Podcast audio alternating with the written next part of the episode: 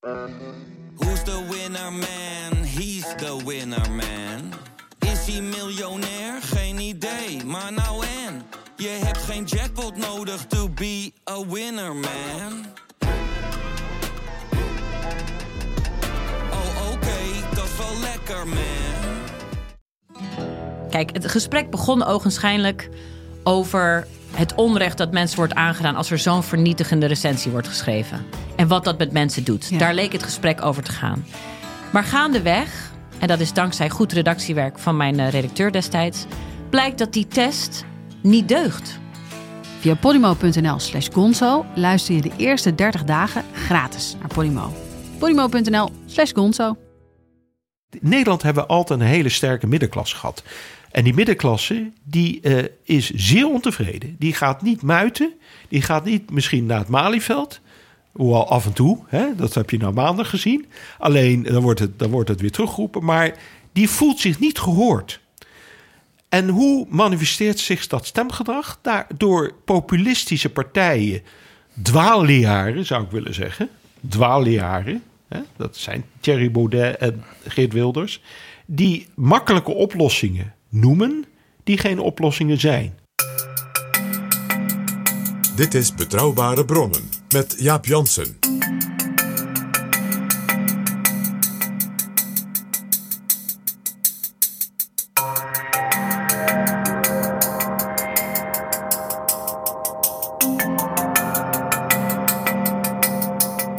Hallo, welkom in Betrouwbare Bronnen, aflevering 29. Straks praat ik met hoogleraar aan Tilburg University Sylvester Eifinger over acht jaar Mario Draghi als president van de Europese Centrale Bank.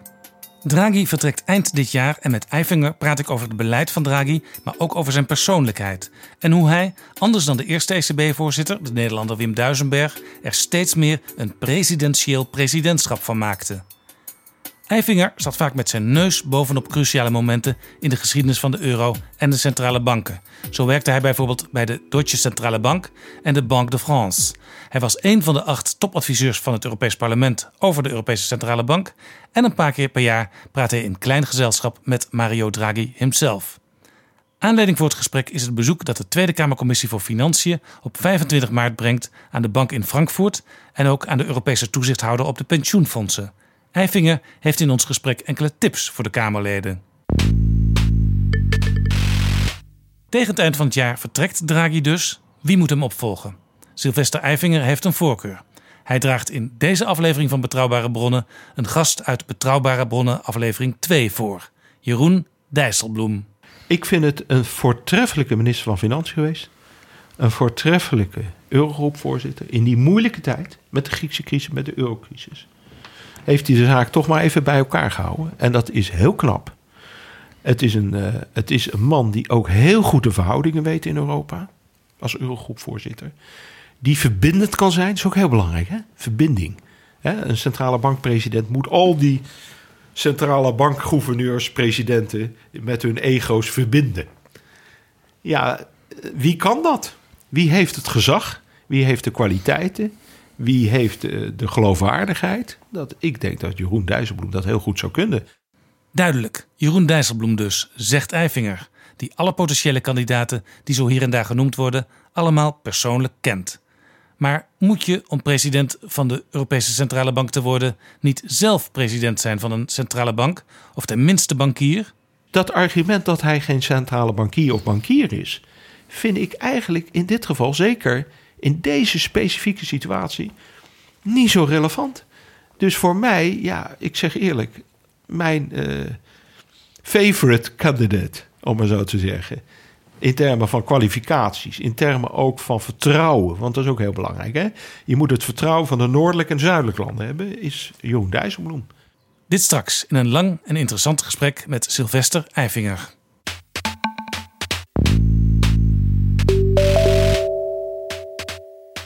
Jaap Jansen en Pieter Gerrit Kroeger duiken in de politieke geschiedenis. Welkom, PG. Dag Jaap. Dit was de week waarin het jaar 1604 plotseling een rol speelde, namelijk in het House of Commons.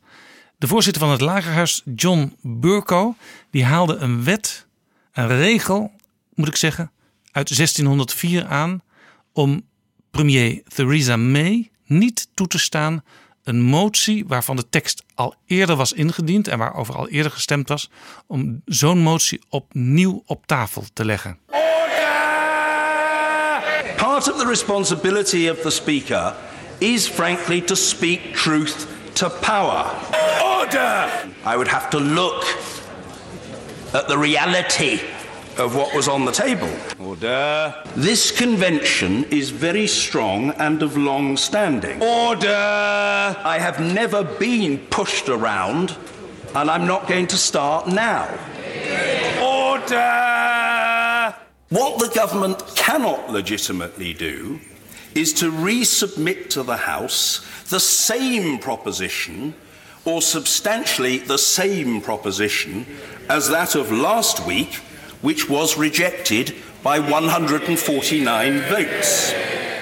John Burko, de voorzitter, de speaker noemen ze hem daar, van de House of Commons. Jaap, het was voor natuurlijk historici en mensen die van geschiedenis in de actualiteit houden een sternstunde. Zo zou Stefan Zweig dat noemen. En tegelijkertijd mag ik het meteen even relativeren. Want in de eerste reacties was het natuurlijk heel bijzonder, bijna excentriek Engels dat iets uit 1604 zomaar ineens tevoorschijn kwam. Ook wel mooi, want een lange traditie dus. Zeker. Komt ook omdat de Britten geen grondwet hebben. Die hebben alleen dus precedenten en zeg maar, een soort gewoonterecht. Dus je kijkt hoe voorgangers in vergelijkbare omstandigheden hebben gehandeld. Ja. Dus deze regel uit 1604 is veel vaker aangeroepen. Dus de speaker kon hier dus als het ware zeggen: dit is bij dat kabinet en dat kabinet in de 18e, in de 19e en ook in de 20e eeuw, onder andere in 1921. Dus door een speaker aangeroepen ten opzichte van een regering die probeerde iets door te drukken. Ja, 1921, als dat de laatste keer was, Het is dus iets heel bijzonders. dan spreken we dus over 98 jaar geleden. Het is dus iets heel bijzonders. Maar zoals bij historische presidenten, die zijn ook altijd iets heel bijzonders. Dus op zichzelf is het dus weer niet zo heel raar. Mag ik eens een Nederlands voorbeeld geven? Hoe vaak roepen wij niet, onlangs bij ons ook nog weer Johan Remkes, het huis van Thorbecke aan?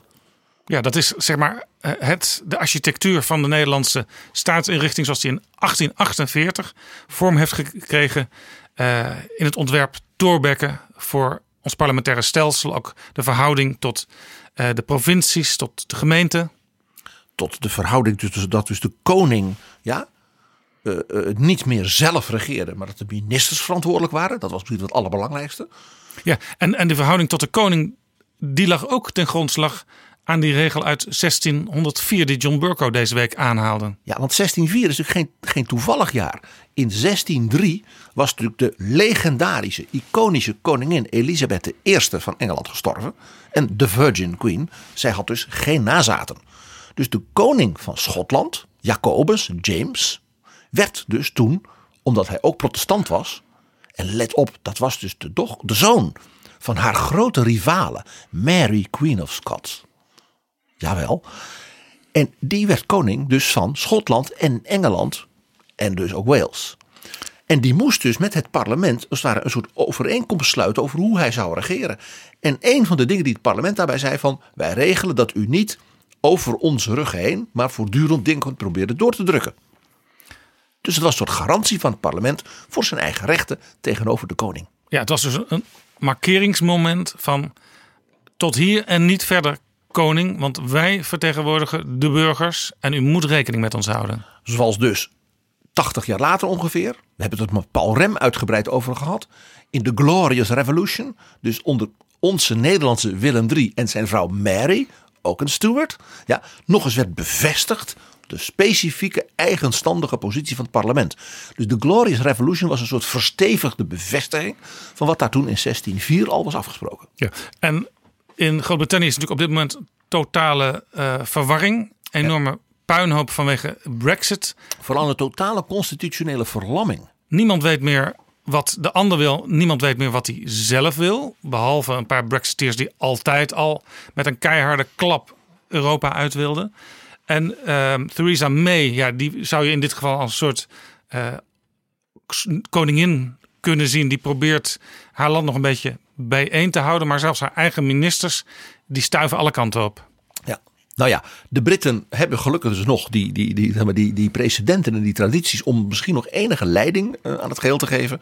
En overigens, ter afronding van dit puntje in, in, onze, in onze rubriek.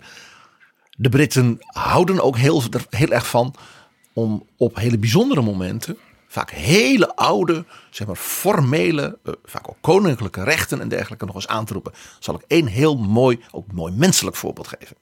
Bij de dag voor kerst in 2013 werd bekendgemaakt dat de koningin op zeg maar voordracht van de minister van Justitie Chris Grayling iets heel bijzonders had gedaan. Zij had een van de alleroudste middeleeuwse rechten van de Engelse koningen toegepast, wat zelden of nooit gebeurt.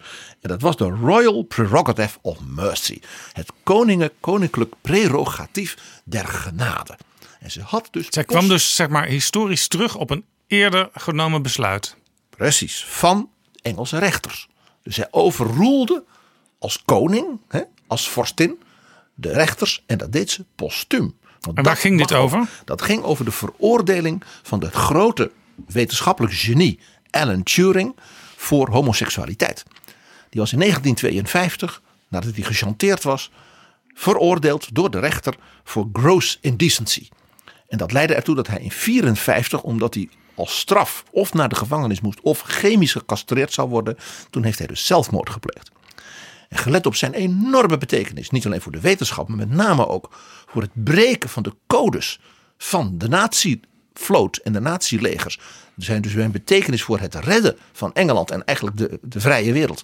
Voor het nationaal socialisme heeft men gezegd: deze schanddaad die aan hem is gedaan, moet worden verzoend. Ja, hij is dus echt een held van. Ja, het is inmiddels al een tijdje geleden, maar een held van onze tijd zou je kunnen zeggen. En dat was zo geheim wat hij dus deed. Dus zijn, hij was in feite de uitvinder van de computer. En het toepassen dus van, wij zouden nu zeggen algoritmen denken. Is door hem dus toegepast in het diepste geheim op het breken van die codes. Dat is pas in de jaren 70 licht bekend geworden. En een aantal van zijn fondsen op de trein pas in 2012. Toen men dus het 100 jaar Alan Turing in de wereld vierde. Ja, en over Alan Turing is ook een paar jaar geleden een hele mooie film gemaakt. The Imitation Game. Jij zegt overigens, eh, het was een prerogatief, een voorrecht van de koning uit de middeleeuwen. Eh, maar je vertelde er ook bij, en dat moeten we ook even markeren, dat het dit keer wel was op eh, voordracht van de minister van Justitie. Want zo zijn de verhoudingen natuurlijk wel in deze eeuw. Maar het was dus juridisch heel ingewikkeld om rechters als het ware, terwijl de man al dood was, te corrigeren. En toen heeft men dus in de statuten, hè, want de Engelsen hebben dus geen grondwet uit, van de koninklijke rechten, in de middeleeuwen gevonden. Oh ja, koning zeg maar Hendrik IV heeft in 1273 dat ook een keer gedaan. En nou, de queen zei, dan teken ik dat. Want ja, ik ben de queen. Dus dat heeft ook een, een soort soevereiniteit van de koningin. Dat zegt van nou, dat is een middeleeuws recht en dat pas ik toe. Tot zover de actualiteit van deze week. We gaan naar Nederland. eh, Zeker gaan we Want naar jij Nederland. wilde graag een keer praten over de relatie tussen ambtenaren en hun minister. Ja, En die relatie is soms goed, de relatie is soms minder goed. Er zijn heel veel varianten van. En er zijn ook een paar mooie historische voorbeelden van. Ja, eh, het is natuurlijk toch zo dat een minister, een staatssecretaris, aan de bovenkant staat en altijd tijdelijk hè, van een heel groot en complex en ook heel hoog opgeleid apparaat. Ja, je hoort wel eens als een minister niet echt bevalt bij de ambtenaren. Nou ja, over drie, vier jaar is hij weer weg. Dit is slechts een voorbijganger. Ministers, komende ministers gaan en de ambtenaren blijven. Hè, dat, dat idee. Het, je bent een passant, zoals Mark Rutte eh, eh, een keer zei. Ook als minister-president, je bent een passant. Ja, Mark Rutte zegt er overigens bij. Hij geeft wisselende signalen. Want de laatste tijd heeft hij het weer over dat hij eh, de rest van zijn leven ook eh, minister-president zal blijven. Maar een enkele keer zegt hij ook wel. Op een bepaalde dag ben ik weg. Dan pak ik mijn spullen. En dan zult u nooit meer van mij horen. En dan wil hij, heeft hij heel onlangs gezegd wel leraar geschiedenis worden. Je begrijpt, dat sprak mij als de zoon van een leraar geschiedenis wel een beetje aan. Mocht jij ooit wegvallen, PG, dan weten we dus wie de rubriek kan overnemen. Dat zou voor mij te veel eer zijn. Ik, ga het even over, ik begin even bij de ambtenaren. Heel belangrijk om te beseffen dat ambtenaren in Nederland op de ministeries, die zijn eigenlijk bijna zonder uitzondering zeer hoog opgeleide mensen. met heel veel toewijding aan zeg maar, de gemeenschap. Betrokken bij wat hè, we heet, heet uit de middeleeuwen. We gaan nog even terug. Het bonum commune. Dus de, het, het goede gemeenschappelijke van de samenleving. Ze zijn dienstbaar, deskundig en over het algemeen, kan het niet anders zeggen, zeer ijverig. Ik heb zelf in de jaren tachtig op het ministerie van Onderwijs gewerkt. Ik heb in mijn hele leven, in alle andere functies nadien, niet zo'n inzet en ijver en volharding van mensen gezien, omdat ze eh, de gemeenschap willen dienen. En daarmee in een democratie dus ook de minister willen bedienen en ondersteunen om dat op een democratische manier maar gedegen te doen. Ja, ik heb uh, het beeld voor me als ik aan de ambtenarij denk van tv-serie Yes Minister, ook uit het Verenigd Koninkrijk. En daar zie je dat er weliswaar ijverige ambtenaren zijn, maar dat ze ook vaak proberen dingen achter de rug om van de minister te regelen. Of te zorgen dat hij op het juiste moment zijn handtekening zet onder een stuk wat uh, waar hij geen tijd voor had om het allemaal te kunnen lezen. En wat dan enorme gevolgen blijkt te hebben. Maar jij zegt dus eigenlijk dat is een karikatuur. Dat is natuurlijk een karikatuur, want dat is een fantastisch leuke televisieserie. En dus, dus altijd een uitvergroting. En, dit, en Sir Humphrey Appleby, hè, want daar denk jij natuurlijk aan. Uh, en Bernard, hè, die ambtenaar die dan ondersteunen moet. Uh, dat zijn karikaturen. En ze, ze, zijn zo leuk omdat ze natuurlijk ook wel een beetje hier en daar kloppen. Maar goed, ambtenaren zijn uh, dienstbaar, werken hard in Nederland in het algemeen. En dat is dus heel fijn voor een minister en een staatssecretaris. Want eigenlijk kunnen die altijd op die mensen rekenen. Nou, dat is dus mooi. Tegelijkertijd zijn er in de manier waarop je dat doet een soort zeg maar, wetmatigheden. Waar je als minister op moet letten hoe, hoe in je omgang met die mensen en met hun expertise, met ja, hun vernuft. Dus je kunt als je aantreedt als minister, kun je er zelf ook mede voor zorgen dat de ambtenaren toegewijd blijven. Ja, en ik, ik wou dus met jou, Jaap, eens een paar voorbeelden langslopen uit de geschiedenis. En natuurlijk in de plus en in de min. Er zijn dus ook een aantal bewindslieden die daar nou niet, nou niet zo in geslaagd zijn. Ja, maar, je had het onlangs al over Mark Rutte, die, die een heel goede indruk maakte. De, de jonge springerige staatssecretaris. Daar gaan we het nu denk ik niet over hebben. Nee, we gaan het nu niet weer over de val van mevrouw Nijs hebben. Het aantreden van Mark Rutte. Maar het, is, het was wel een voorbeeld van hoe mis het kan gaan. Nee, ik ga naar een actueel voorbeeld. Zeer recent, en wel op hetzelfde ministerie. Onderwijs, cultuur en wetenschap. Ja, uh, heel onlangs werd bekend uh, via Science Guide dat uh, het ministerie van OCW een opdracht heeft gegeven aan een, gegeven aan een commissie van hoogleraren. En die moeten de eenheid hoger onderwijs binnen dat ministerie onderzoeken op hun effectiviteit en de kwaliteit van hun werk. Dus je geeft eigenlijk als minister een externe commissie opdracht om jouw eigen ambtenarij te onderzoeken? ja, blijkbaar heeft de minister daar redenen voor. Dat is Ingrid van Engelshoven van ja. D66. Mij valt dan op dat hoger onderwijs bestaat voor, in Nederland voor twee derde uit hogescholen, dus het HBO. En in die commissie zit niet één iemand uit het HBO. Dat is raar. Ja, en er zit ook niet één iemand in, viel mij op bij die namenlijst, die bijvoorbeeld zelf een hoge functie op zo'n ministerie heeft vervuld. Dus het zijn, mag ik zeggen, theoretische uh, uh, lieden die met elkaar daarna gaan kijken. Ja, dat is, dat is alsof je commissie benoemt van midden, middenstanders in de Kalverstraat in Amsterdam. En er zit geen één schoenenzaak bij. Of er zit alleen maar drie voormalig directeuren van VNO-NCW bij. Die zelf nooit een winkel hebben Precies. gehad. Ja, nou, mijn conclusie was daaruit dat de argwaan, dat wel de wanhoop, wederzijds vrij groot moet zijn. Nou, hier zie je dus, blijkbaar zijn er dus spanningen rondom het functioneren in dat ministerie. En dat de minister dus naar een ja, groep van buiten grijpt. Nou, ook dat ministerie zelf een beetje kennende, dacht ik oei, oei, oei. Ja, dat gaat niet goed. En terwijl het juist, tenminste zoals jij ze hebt meegemaakt in jouw tijd, toen jij daar rondliep op het ministerie, juist stukken toegewijde lieden zijn. Zeker. En ik kan me ook niet herinneren dat bijvoorbeeld Jet Bussemaker als minister uh, zeg maar voortdurend uh, ruzie en gedoe had met haar ambtenaren. Zoals bijvoorbeeld op andere ministeries, waar we het straks nog wel eens over zullen hebben, wel het geval was. Dus vandaar dat ik zei, oei, oei, oei. Ja, ja, het gebeurt natuurlijk ook wel eens dat een minister helemaal niks doet. Hè? Dat er wel dingen mis zijn. Dat de minister zelf denkt, ja, ik ben hier over drie, vier jaar weer weg. Dus het zal mijn tijd wel duren. Misschien heeft Van Engelshoven wel al voordat ze minister werd signalen gehad dat er dingen mis waren op het ministerie dan zou je dat in de opdracht natuurlijk aan zo'n commissie moeten kunnen zien. Nou ja, ik ben dus zeer benieuwd, nog los van het feit dat er nog twee andere commissies ook naar datzelfde terrein allerlei onderzoek doen naar de financiën. Wat dus nu drie commissies die over elkaar heen buitelen, vind ik ook iets waardoor ik denk oei, oei, oei. Nou goed, in elk geval, het komt natuurlijk voor dat ministers en met hun apparaat, ja, dat, dat, nou ja, dat er spanningen zijn. Eh, kijk, eh, denk eens even aan het eindeloze gedoe rond de Belastingdienst.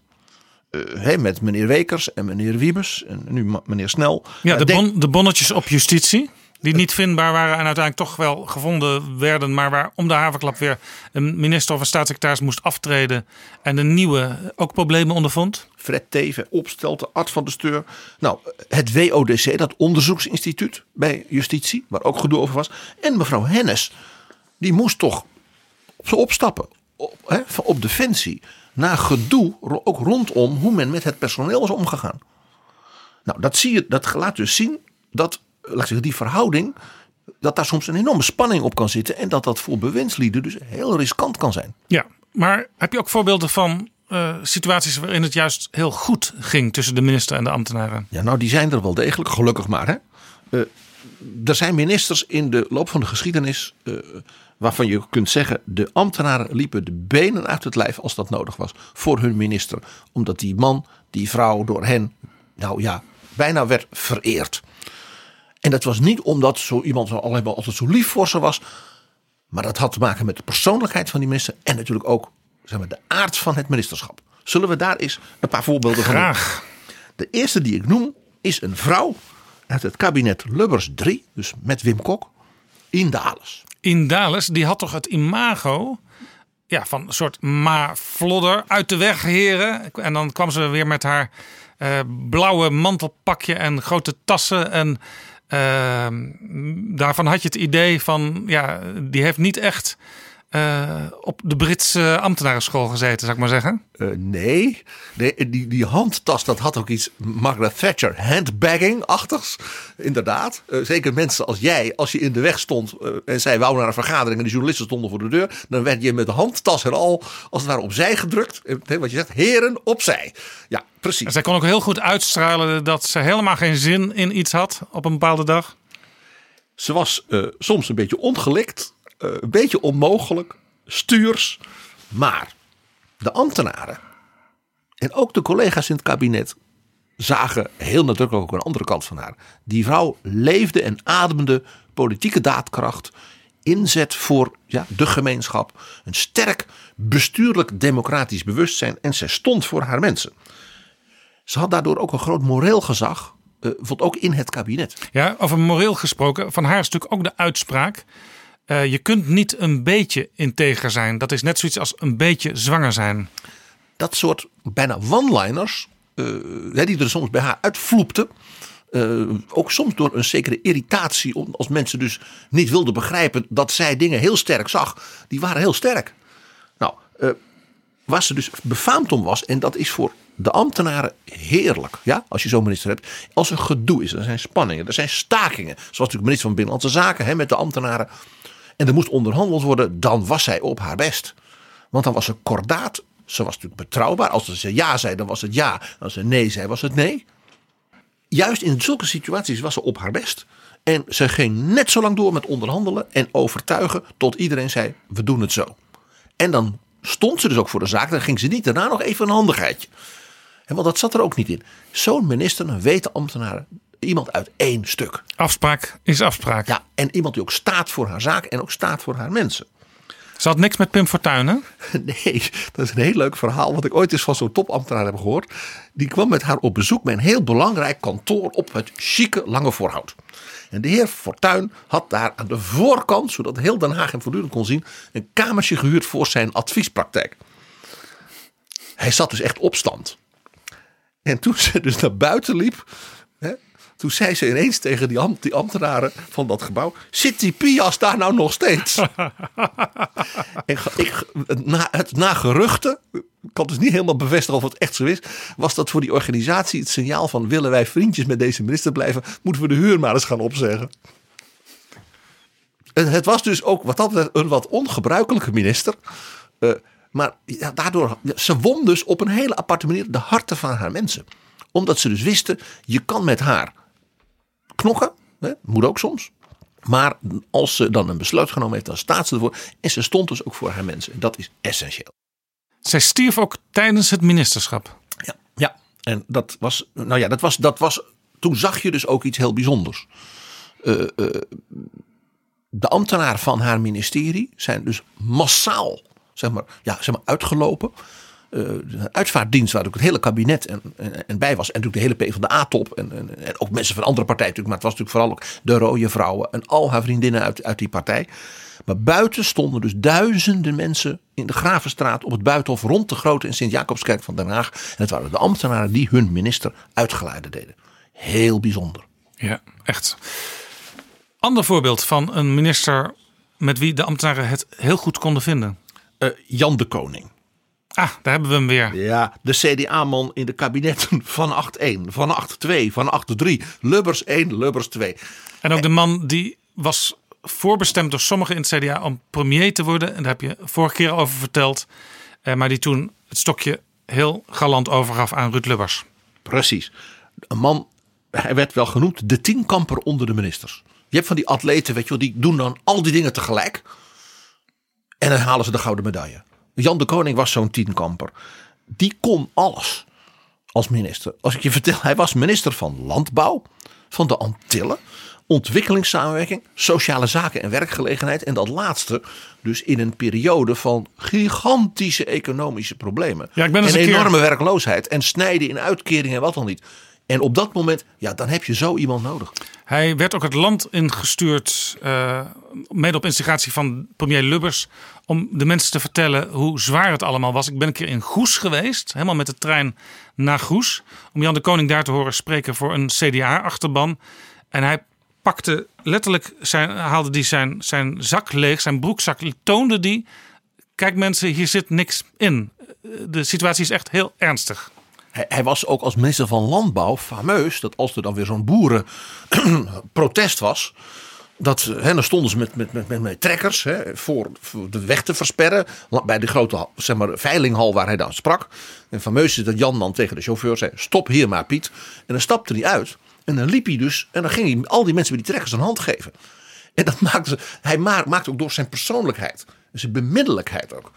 Zo'n indruk dat dus dat protest als het ware min of meer verdampte nog voor hij in die veilinghal was. Ja, ik heb later wel eens ministers gezien die via een achteringangetje naar binnen gingen. Bijvoorbeeld bij protesterende Groningers toen het om het gas ging. Ja, dat is dus niet de manier waarop je doet. Je moet even door die zure appel heen bijten. En Jan de Koning was fameus om uh, uh, als mensen dus iets hadden wat voor antwoord hij gaf als, als voorzitter van, van de boeren in Nederland. Want dat was hij geweest voordat hij minister werd werd hem dan gevraagd wat hij vond van de prijs van de koeien op dit moment op de markt.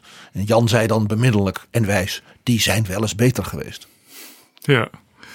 Nou, hij, hij, hij werd dus inderdaad bewust geen minister-president. Was door zijn wijsheid en natuurlijk de positie die hij heeft bekleed als minister wel altijd een sleutelfiguur in de kabinetten. Uh, waar hij als het ware als minister dan onder Van Acht en daarna onder Lubbers diende.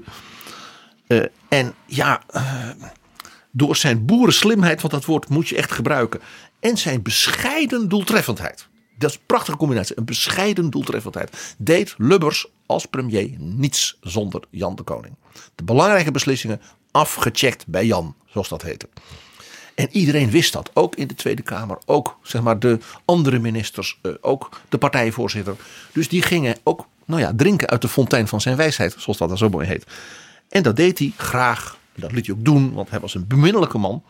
Hij was dus zeer gezaghebbend. En ja, ambtenaren die lopen dus de benen uit hun lijf voor zo'n minister. Want dan weet je, als je met hem of voor hem wat doet, dan heeft dat dus impact. Dan is het niet van, nou ja, we zien wel of dat nog wat tot wat leidt. Nou, daarbij kwam, uh, dat moet gezegd worden, hij had een soort eenvoud. Uh, die, die, die, ja, die zeg maar legendarisch was. En dat was, dat was ook wel. De anderen konden daar wel een beetje jaloers op worden. Men was bijna wat jaloers op zijn vanzelfsprekende gezag en beminnelijkheid. Ja, dus we, we hadden het net over Pim Fortuyn. Dit was de anti-Pim Fortuyn, zou je kunnen zeggen. Ja, dat kun je zeggen, ja. Uh, maar hij, had ook, hij was ook fameus om zijn typische boerenuitdrukkingen. Dat wist hij ook, dus daar speelde hij wel een beetje mee. En vertelde hij dus dat hij in het Europees Parlement, want daar had hij ook in gezeten. Ik zei al, hij kon alles. In het Europees Parlement sprak hij dan over de hè, subsidies voor de landbouw. En dan zei hij, ja, en de boeren in Nederland, hè, meneer de commissaris eh, in Brussel, die hangen weer aan de achterste tiet. En dan zei hij, ja, en dan die, die, die, die, die tolken, die weigeren dat te vertalen, zei hij dan. Typisch Jan de Koning. Ja. Tegenwoordig zouden de tolken eh, de hand er niet meer voor omdraaien. Maar toen was dat natuurlijk nog, dat ging een beetje ver. Eh, ook een heel mooi, mooi verhaal over Jan. Hij vond het zelf leuk om lintjes uit te reiken aan ambtenaren. Die dus heel veel en lang hadden gewerkt. Want dan vertelde hij ook, hij wist dan ook alles over die mensen. Nou, je begrijpt, die familie, de collega's, hè, de collega's van de voorbije 30, 40 jaar. Dat was natuurlijk geweldig als zo'n man dat deed. Ja, dat werkt heel goed door in zo'n ministerie. Echt heel goed. Heel fameus is het verhaal dat een mevrouw die had bijna 50 jaar op dat ministerie gewerkt bij de schoonmaakdienst. Dus die had geen, nee, niet heel veel opleidingen, wat dan niet. Maar hij zei dat doe ik zelf. Dus hij had haar cv Ja, gekregen. zo- Zo'n mevrouw die je, die je meermaals in de week in de gang tegenkomt op bepaalde hele vroege of hele late tijdstippen. Precies. En toen heeft hij dus een prachtige toespraak gehouden. En toen heeft die, die vrouw hem, bij, toen hij wegliep, in tranen toegeroepen: De koning, bedank ook de koningin. Geweldig. De koning bedankt ook de koningin.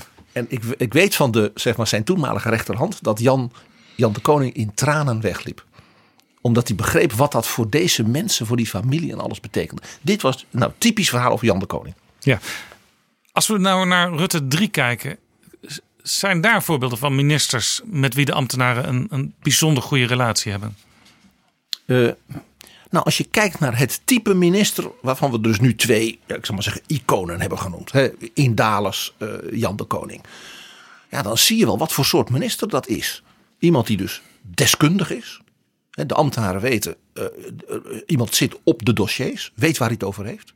Ja, de, de- bij wijze van spreken, de minister weet al 80% van dit onderwerp. Ik moet zorgen dat ze die laatste 20% ook nog beslagen ten ijs Hè, kunnen komen. Vandaar zei een man als Jan de Koning, die al die ministeries, maar, maar, maar hè, altijd als gewoon de, de beste minister van de na de oorlog, hè, deed er niet toe waar hij zat. Dat is uniek, zo iemand. Dus zeer deskundig. Tweede, dus een stevige persoonlijkheid, ook in de politiek, in het kabinet, in de Kamer. Dus niet bij de eerste de beste keer omvallen. En ruimdenkend. Dus iemand die beschikbaar is voor andere ideeën. En die dus ook kritische opmerkingen van zijn, van zijn ambtenaren goed kan hebben. Eh, en daarbij ook een zekere menselijke kant. Ja, naar zijn staf ook begrijpt hoe, hoe die, die ambtenaren. How they tick. Ja, dat is dus een minister met poids, zoals men dat noemt. En ja, ambtenaren zijn dol op een krachtige minister. Want een krachtige minister maakt dat jij, jouw werk impact heeft. Dat het ertoe doet. Dat je dus met een goede, stevige minister dien je dus een goed beleid. En daarvoor zit je daar. Ja, als ik, als ik denk aan iemand die eh, gezaghebbend is qua inhoud en ook krachtig overkomt, dan- dan is dat denk ik eh, in dit kabinet Sigrid Kaag. Prachtig voorbeeld. Eh, zij heeft natuurlijk ook het voordeel dat er een aantal ja, toch wat minder sterke ministers van Buitenlandse Zaken rondom haar zaten de afgelopen tijd. Eh, zij is niet officieel de minister van Buitenlandse Zaken, want ze doet buitenlandse handel en ontwikkelingssamenwerking. Maar ze wordt eigenlijk door veel mensen wel als zodanig beschouwd. Er wordt in ieder geval gezucht in de wandelgangen. Hadden we haar maar als de minister? Nou, ze heeft nog een voordeel. Ze heeft een premier die inmiddels dus al lang zit. Dus internationaal ervaren is. En in Europa ook ervaren is. En hoog geacht, dat weten we. Dus Nederland heeft nu ineens twee van dat soort mensen. De premier en dus die voormalige topambtenaar van de VN. Die dus in die wereld ja, een enorme reputatie hebben. En samen met hem dus optreedt. Toen Mark Rutte bij Donald Trump op het Witte Huis was. En Mark Rutte Donald Trump gewoon openlijk tegensprak. Ja, wat nooit gebeurde eigenlijk. Wie was mee? Niet Stef Blok. Nee, Sigrid Kaag die zat inderdaad een, een uur later samen met Mark Rutte bij Trump eh, te praten over de Nederlandse relaties en de Amerikaanse relaties. En deze week werd bekend dat mevrouw Kaag in Kansas City geloof ik was. Dat is wel leuk. Moet bij, bij onder andere minister Pompeo van Buitenlandse Zaken. En dan zie je dus weer, dit is deskundig en slim. Want meneer Pompeo was een toppoliticus van de staat Kansas. Dus ze was in zijn achtertuin, zijn politieke heimaat.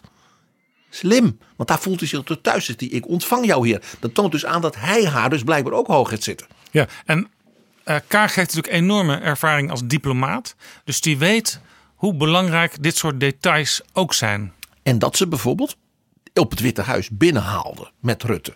De World Business Summit. Die gaat dus voor het eerst naar Europa en dat is naar Nederland. Ja, in juni, binnenkort dus. En natuurlijk heel soepel. Die minister komt, dat is op zich al bijzonder. En Ivanka Trump mag dan mee als een soort eregast. Als De dochter die ook eh, van handel weet. eh, die van handel weet en die dus als ondernemer dan een soort inspirerende vrouw daar een verhaal mag houden. Nou, je ziet hier dus met een, bijvoorbeeld een, iemand als mevrouw Kaag, dat door dus haar, mag ik het zeggen, ook dossierkennis, haar wereldwijde netwerk eh, en haar gewicht, ja, dat ministerie dus ook sterk toeneemt aan gewicht. Ja, goed voorbeeld. Er zijn natuurlijk nog meer voorbeelden. Hè? Mag ik eens uit een heel ander, eerder kabinet iemand noemen? Jos van Kemenade. De, de toch wel legendarische minister van Onderwijs in het kabinet Den Uil. En later in Van Acht 2 was hij ook weer minister van Onderwijs. Ja, eh, hij werd in 73 minister. Een jonge hoogleraar op het gebied van de onderwijskunde. Briljante man. En de ambtenaren merkten al snel een enorme workaholic. Jos van Kemenade sliep vier uur per nacht en ging dan aan het werk. En dat had hij gemeen met Joop Den Uil, zijn premier. Die, die kenden elkaar dus ook goed. En eh, het was bekend dat Joop den Uil heel lang Jos van Kemenade als zijn opvolger ook zag. Nou, Van Kemenade las alles, wist alles, zeker op het gebied van onderwijsbeleid. Was zeer veel eisend aan zijn ambtenaren. Een gedreven man. En ja, daar merk je dus wat ik eerder zei. Men houdt van zo iemand. Een veel eisende minister van kwaliteit. Die zijn ambtenaren dus hun expertise als het ware maximaal uitdaagt. Dat is leuk. Ja, af en toe wel eens moeilijk. Je moppert wel eens. Maar het is leuker dan een minister die in een zeven sloten tegelijk loopt. Met bonnetjes en wat al niet. Ja, hij was ook een heel, heel systematisch denker. Hij schreef zelf ook eh, rapporten en artikelen. En eh, hij schreef ook voor de Partij van de Arbeid later, als ze weer eens eh, ideologisch in de knel zaten. Ja, eh, daar moesten de ambtenaren aan wennen. Dat hij dus de beleidsnota's eigenlijk min of meer zelf s'nachts schreef. Eh, dat moest hem niet een beetje afleren, maar dat, nou ja, de, de, laat ik zeggen dat dat, dat dat voldoende afgewogen was tussen de ambtenaar en de minister. Dat, moest, dat moesten ze een beetje met hem een beetje zeg maar, avonturen. Ja, zelfs eh, strofen uit gedichten die werden in die rapporten verwerkt door Van Kemenade. Zeker, want hij had een enorme belezen kennis van, uit de wetenschap en literatuur. Toen hij begon, moest dat dus nog, ja, moesten ze een beetje leren met elkaar omgaan. Hè? Dat is altijd zo. Minister en zijn ambtenaar, dat moet je een beetje, dat noemen ze snuffelen. Ja, wat is dat er voor ene, zeggen ze dan in Brabant. Juist. Dus hij heeft een keer gevraagd bij een onderwerp. Dat moest naar de Kamer, een brief en dat lag lastig. Een aantal juridische kwesties. Hij zei: Ik wil het hele dossier. Ja, maar meneer de minister, nee, nee, nee. Alle stukken. Want ik, ik, ik, ik geloof niet dat we nu het helemaal in de greep hebben. Nou, zeiden de ambtenaren: Oké.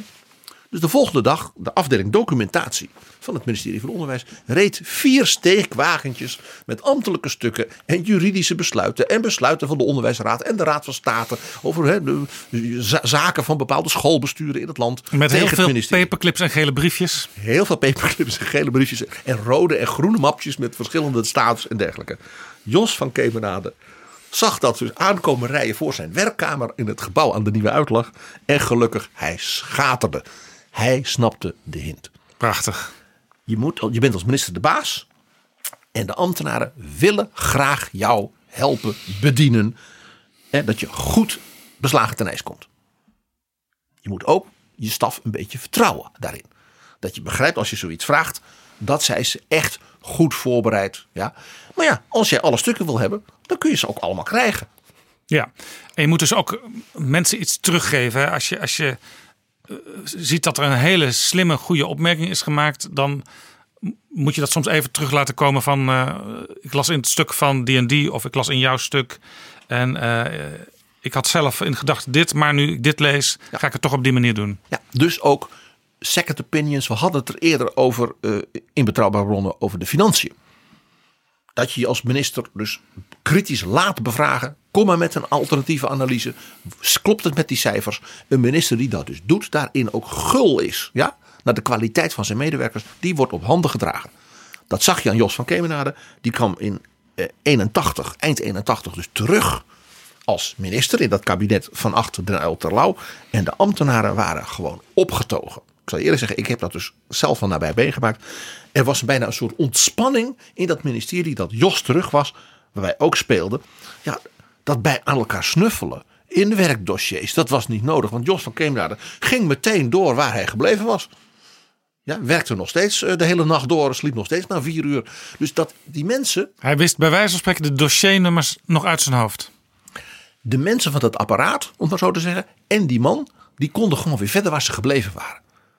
En dat gaf een soort ontspanning. Het was dus niet alleen voor Jos van Kemenade, we zijn weer thuis, maar ook voor de ambtenaren. Ja, Eh, hij had ook wel, mm, hij had ook hele mooie manieren eh, om als een ambtenaar, zeg maar nou niet zo erg opletten en met iets kwam waarvan hij dacht van ja zeg. Dan moet je ook als minister weten hoe je zo iemand wel in zijn waarde laat, maar even laat voelen van. eh, Jos die zei dan, met die, dan knikte hij met zijn hoofd achter die drukke billengraas, zei hij, ik vind dat een rijke gedachte. Rijke gedachte. Wim Deetman, zijn opvolger en eerst toen staatssecretaris, die had, had er ook zo een. Als een ambtenaar dan zo'n verhaal hield dat hij dacht, daar kan ik dus echt niks mee, maar je bedoelt het goed, dan zei hij, ik zie uw punt. Ja, ja, dat zijn eigenlijk de, de, de wat mooiere varianten van wat je vaak in vergaderingen hoort. We nemen het mee. Ja, ik zie uw punt. Hij zei dus niet dat hij dat punt een goed punt vond. Maar hij zag waar het vandaan kwam en legde het dus ook ad acta. Maar dat deed hij dan op een niet al te eh, zeg maar, wegwerpende manier. En dat hoort ook bij, mag ik zeggen, een zekere hoofsheid eh, in de verstandhouding tussen een minister en zijn ambtenaren. PG, ehm, wij zorgen natuurlijk in betrouwbare bronnen altijd voor enorm gebalanceerde aanpak van alle onderwerpen. Daar hebben we zelfs uitgebreide vergaderingen over. Je hebt nu ministers eh, van verschillende partijen genoemd, maar nog geen VVD-ministers. Nee, maar ik heb er een van, van, van, van, de- van deze kwaliteit. En dat is natuurlijk Henk Kamp. Oh ja, natuurlijk. Daar moest ik eigenlijk net al aan denken toen je het over Jan de Koning had. Ook Henk Kamp heeft natuurlijk meerdere totaal verschillende ministeries eh, geleid. Het, het is de Jan de Koning van het liberalisme. Eh, ook zo'n tienkamper. Je geeft hem een ministerie. En hij werkt zich in. En weet meteen ook die mensen een, richtingsgevoel te geven. Oriëntatie en, Ja, stevigheid. En zoals Jan de Koning voor Ruud Lubbers heel belangrijk was, is Henk Kamp, was Henk Kamp ook voor Mark Rutte heel belangrijk. Want Henk Kamp ja, was toch een beetje de man die de rechtervleugel van de VVD afdekte. Dus als Henk Kamp ergens achter stond, dan wist men eh, dat de rechtervleugel niet in opstand zou komen. Ik zeg nog iets.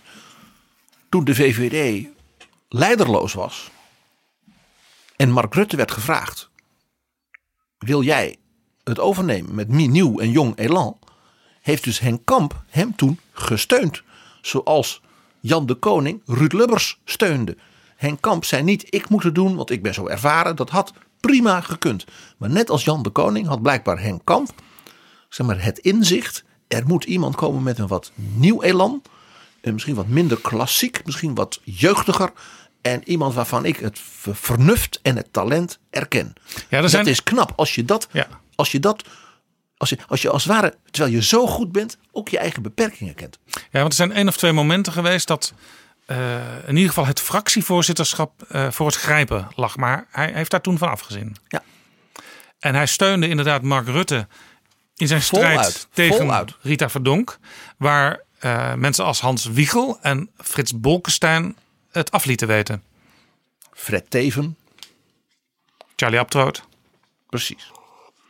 Dus de loyaliteit of van Mark Rutte naar Henk Kamp is dus te vergelijken, is herkenbaar in die loyaliteit van Ruud Lubbers aan Jan de Koning. Nou, kenmerkend voor Henk Kamp waren dus het soort dingen die ik dus net ook vertelde over eh, de koning of het over Dalers. eh, van Kemenade. We- Weet je hoe hij, als hij een belangrijk debat had, of een belangrijk Europees overleg, of er was iets in de ministerraad en dan moest hij echt. Dan had hij zijn stukken, die bracht hij bij elkaar. Dan maakte hij voor zichzelf een soort memorandum aan zichzelf. Ja, zo, hier moet het om gaan. En dan mailde hij dat aan zijn ambtenaren. En dan vroeg hij: klopt dit? Is dit de kern van het verhaal? Dus dan vroeg hij die ambtenaren nogmaals, niet hem te vertellen wat hij moest doen, dat wist hij zelf wel. Maar wat ik die bescheiden effectiviteit van Jan de Koning, die had dus Henk Kamp ook. Die vroeg aan die mensen: klopt dit? Heb ik nu de goede kern te pakken? Zij wisten ook wel dat ze hem niet moesten hoefden te vertellen hoe hij in de ministerraad zijn punt moest maken. Maar nogmaals, heel scherp de samenvatting, de kernpunten. Ook weer dat second opinion durven vragen van mensen waar je dus de expertise en het talent van erkent. En Henk Kamp had ook een overeenkomst met Van Kemenade en Joop den Uyl. Ook Kamp had maar een zeer beperkte nachtrust nodig. Eh, hij zat vaak om zes uur 's morgens alweer achter zijn bureau. Ja, dat, is, dat hoort er een beetje bij blijkbaar. Dat je eh, ja, een geweldige geestelijke en gecombineerd met fysieke energie hebt.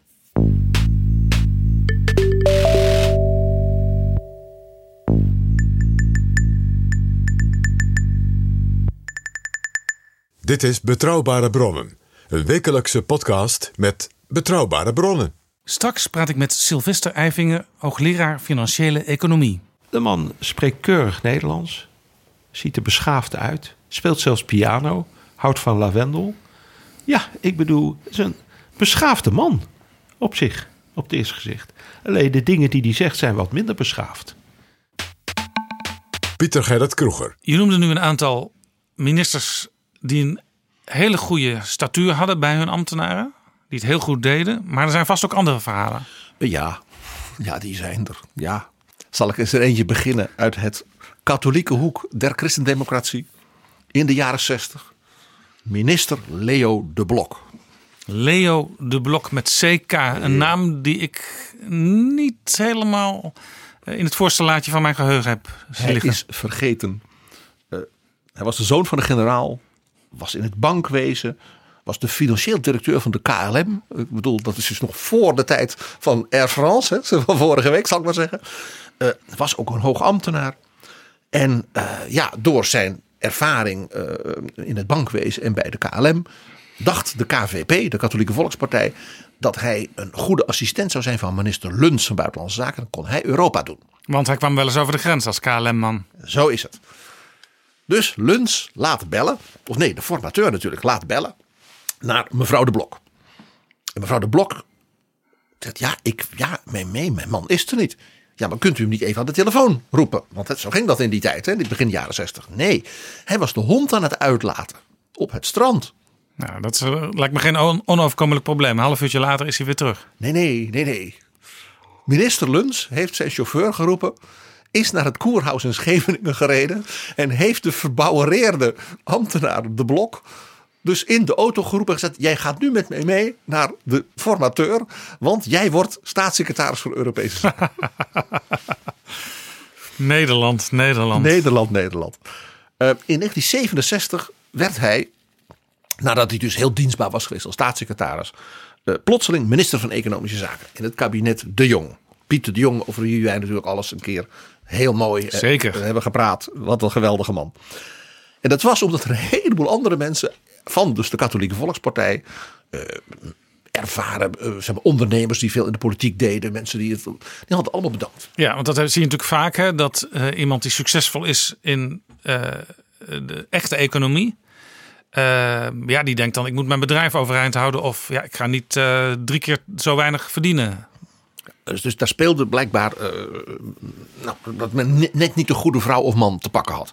Dus toen heeft men gezegd, laat hij dat nou maar doen. Eh, dat had hij beter niet gedaan. Want toen bleek dat die man als zeg maar, dienstbare staatssecretaris naar zo'n grande personalité als Jozef Luns, dat dat nog wel ging.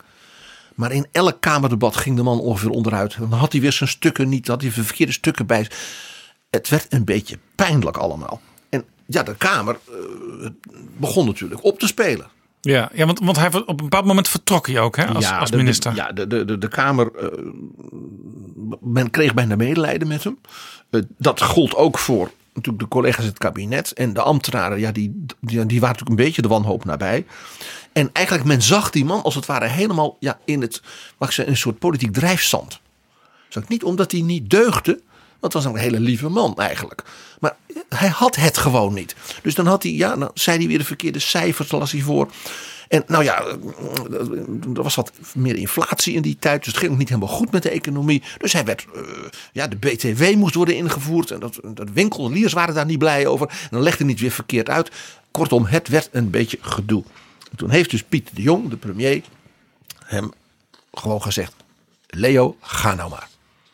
Want hij vond dat een soort marteling. En hij vond hij als premier dat hij dat die man gewoon niet meer kon aandoen. En toen is hij opgestapt. En de grootste tegenstander van die man in de Tweede Kamer was mevrouw Gerda Broutigom van de PvdA. Ja, Gerda Broutigam, een pittige tante. Er is ook nog een boekje waarin brieven van haar staan. Heel interessant. Ja. Wat, wat, wat, wat deed zij op dat moment? Die heeft toen in de Kamer, dus tegen, de, tegen zeg maar, de premier en de minister gezegd dat ze er begrip voor had. Dat ze de man had aangepakt, dat ze natuurlijk, dat, dat hoorde tot haar taak. Maar eigenlijk is hij te lief voor de politiek. Te lief. Zullen we er nog eentje doen, PG? Vooruit, vooruit. Eh, niet iemand die te lief was. De vicepremier van het tweede kabinet van Ruud Lubbers. Rudolf de Korte van Ah. de VVD. Rudolf de Korter werd hij ook wel genoemd op de voorpagina van Elsevier toen hij flink moest bezuinigen. Ja, en die zat ook op economische zaken. Eh, ik zal het maar heel eerlijk zeggen. Op de eerste dag van zijn ministerschap was het al mis. In zeg maar, het Haagse wereldje van de ambtenaren, de journalisten. Ja, want wat gebeurt er? Nou, ik moet misschien even inleiden, want Rudolf de Korte, die heb ik ook nog wel meegemaakt. Eh, dat was ja, toch wel een, een in, het, in de schijnwerpers lopende, eh, lopend Kamerlid van de VVD. Eh, deed heel veel debatten, was echt zeg maar de woordvoerder van het, het, eh, het rechtsliberale denken, het, het economische denken. En wij vonden het als journalist ook allemaal wel logisch dat hij, dat hij minister werd. Want ja, na zo lang vooraanstaand Kamerlid te zijn geweest, komt dat op een bepaald moment jou toe. Ja, en ook nog, de, de, de VVD had natuurlijk een enorme dreun gehad bij de verkiezingen. Dus de lijsttrekker, Nijpels, kon geen vicepremier worden. Die werd minister van Milieu. Dus dat was iemand anders. Ja, wat overigens voor Nijpels een gouden greep bleek te zijn, want hij kon daar helemaal in opgaan in dat milieu. Vandaar dat hij nog steeds nu klimaatleider is van al die tafels. En het omgekeerde gebeurde met Rudolf de Korte. Want het was heel snel duidelijk dat hij dus te hoog gestegen was. Eh, wat ik al zei, de eerste dag was het al eigenlijk mis. Want wat deed hij? Hij werd dus ontvangen op dat ministerie. En had zijn vrouw bij zich. En nou, hij sprak dus met de hoge ambtenaren. En zijn vrouw ging koffie drinken met de mensen van de voorlichtingsdienst. En dat was leuk. Even kennis maken. En, Ja, gezellig. En eh, na een paar uur is mevrouw weer weg en dan kan manlief aan het werk. en zo'n vrouw. Het is ook goed dat ze even met die voorlichters praat. over- Karin de Korte heette zij. kort.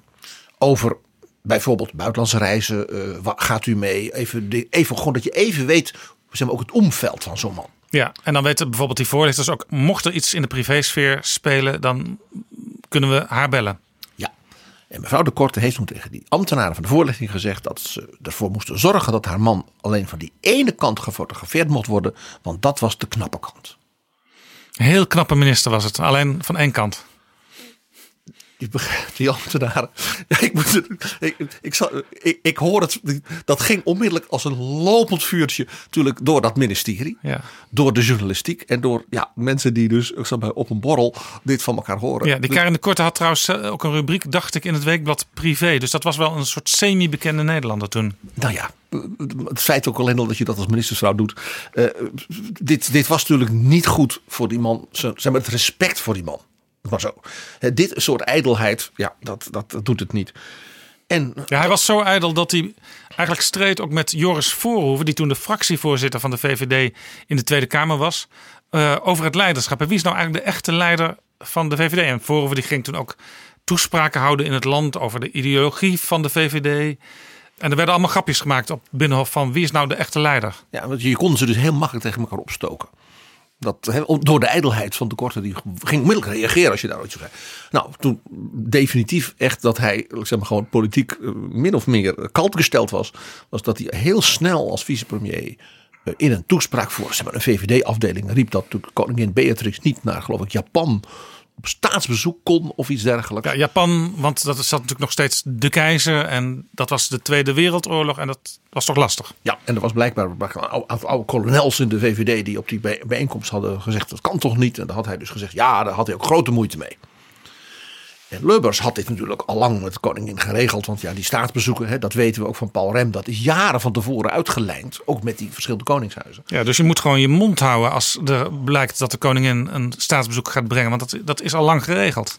En met de premier afgestemd. En met buitenlandse zaken. En met andere koningshuizen en dergelijke. En Lubbers was toen, toen al wat langer minister-president. En begon ook wat steviger op te treden. En heeft toen gezegd dat hij dat eh, met eh, de vicepremier even had opgenomen. En hem had uitgelegd dat dat niet kon. En toen heeft Lubbers de onsterfelijke woorden gebruikt. Dit was er één in de categorie eens, maar nooit weer. En er werd toen ook gezegd wat Jupiter is toegestaan, is niet toegestaan aan de os. Quod licet Jovi, non licet bovi in de taal van Thierry Baudet. Was overigens een hele aardige man, Rudolf de Korte. Daar wil ik toch nog wel even zeggen. Want op die avond dat hij over Beatrix en Japan sprak, dat was ergens in het oosten van het land, eh, zat ik met hem terug naar de Randstad in de dienstauto voor een interview in het eh, toen nog voluit bestaande weekblad HP. En hij was zo aardig. Ik zei, zet me daar maar ergens in Amsterdam bij de RAI af. Want dan kun je makkelijk afslaan te- tegen de chauffeur. Zei de korte, nee, waar woon je? Oh, Bloemgracht. Nou, dan rijden we even langs de Bloemgracht. Dus hij heeft mij thuis afgezet op die toch wel merkwaardige avond in de Nederlandse politieke geschiedenis. De avond die in feite het einde maakte aan al zijn politieke pretenties. En daar was jij de getuige van. En toen bleek hij toch nog een hartelijke en menselijke kant te hebben. Naast al die ijdelheid. En dat vind ik dan weer leuk om te horen. Het zijn bijna eh, boeken die jij schrijft in zo'n rubriek PG. Want er is nog een voorbeeld waar je het eh, over wilde hebben, zei je eh, eerder tegen mij toen we het over deze, deze aflevering hadden. En dat is nog een eh, duo wat we nog wel eh, redelijk recent op het netvlies hebben staan uit het vorige kabinet Rutte 2. En dat is eh, het duo Melanie Schultz, toen minister van, ja, hoe noemde de... Hoe, INM. INM, infrastructuur en Milieu, hè? milieu. Ja, dat wisselt elk kabinet, dus dat moet, moet gewoon even nadenken. Minister Melanie Schultz en staatssecretaris Wilma Mansveld. De eerste was van de VVD, de tweede was van de Partij van de Arbeid. Ja, dat verhaal over die twee is dus heel leerzaam over hoe bewindslieden en hun ambtenaren als daar als twee treinen ja, op elkaar afrijden, dat je denkt dat gaat niet goed. En dat men op het laatste moment dan beseft, dit, dit moeten we dus anders doen. Dus ook heel leerzaam in dat opzicht. Van, van, van, dat je zegt, het gaat bijna fout.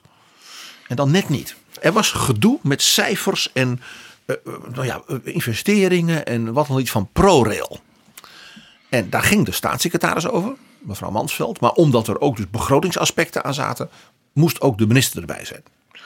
En de minister, of de staatssecretaris, die vertelde: ja, het probleem wat ik nu heb, de beste Tweede Kamer, u heeft een brief gehad. En ja, er blijkt nog een soort studierapport naar die cijfers te zijn van ProRail. En dat weet ik pas sinds 24 uur. Want op mijn ministerie waren er twee afdelingen en die waren met elkaar dus het onderling niet eens. En zolang zij het niet eens waren van wat gaan we hier nu mee doen, hadden ze haar dus dat stuk niet gestuurd.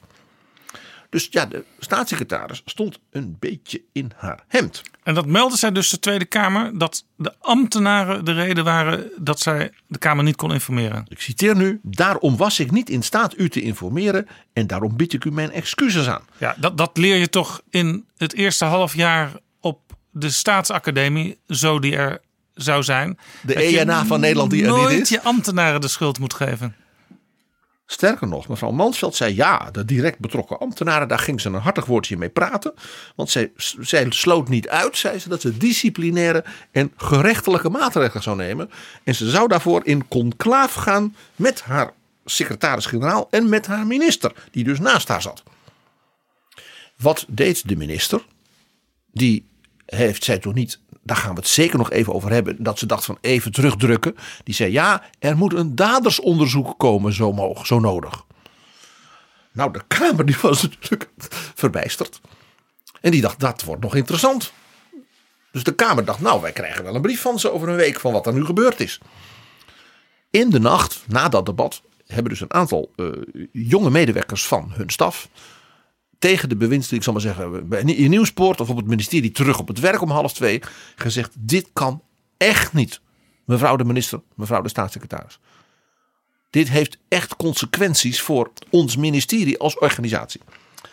De ministeriële verantwoordelijkheid is nou eenmaal Torbekke 19, 1848, we hadden het er eerder over hè, in het kader Ja. van traditie, is toch zo essentieel en helder.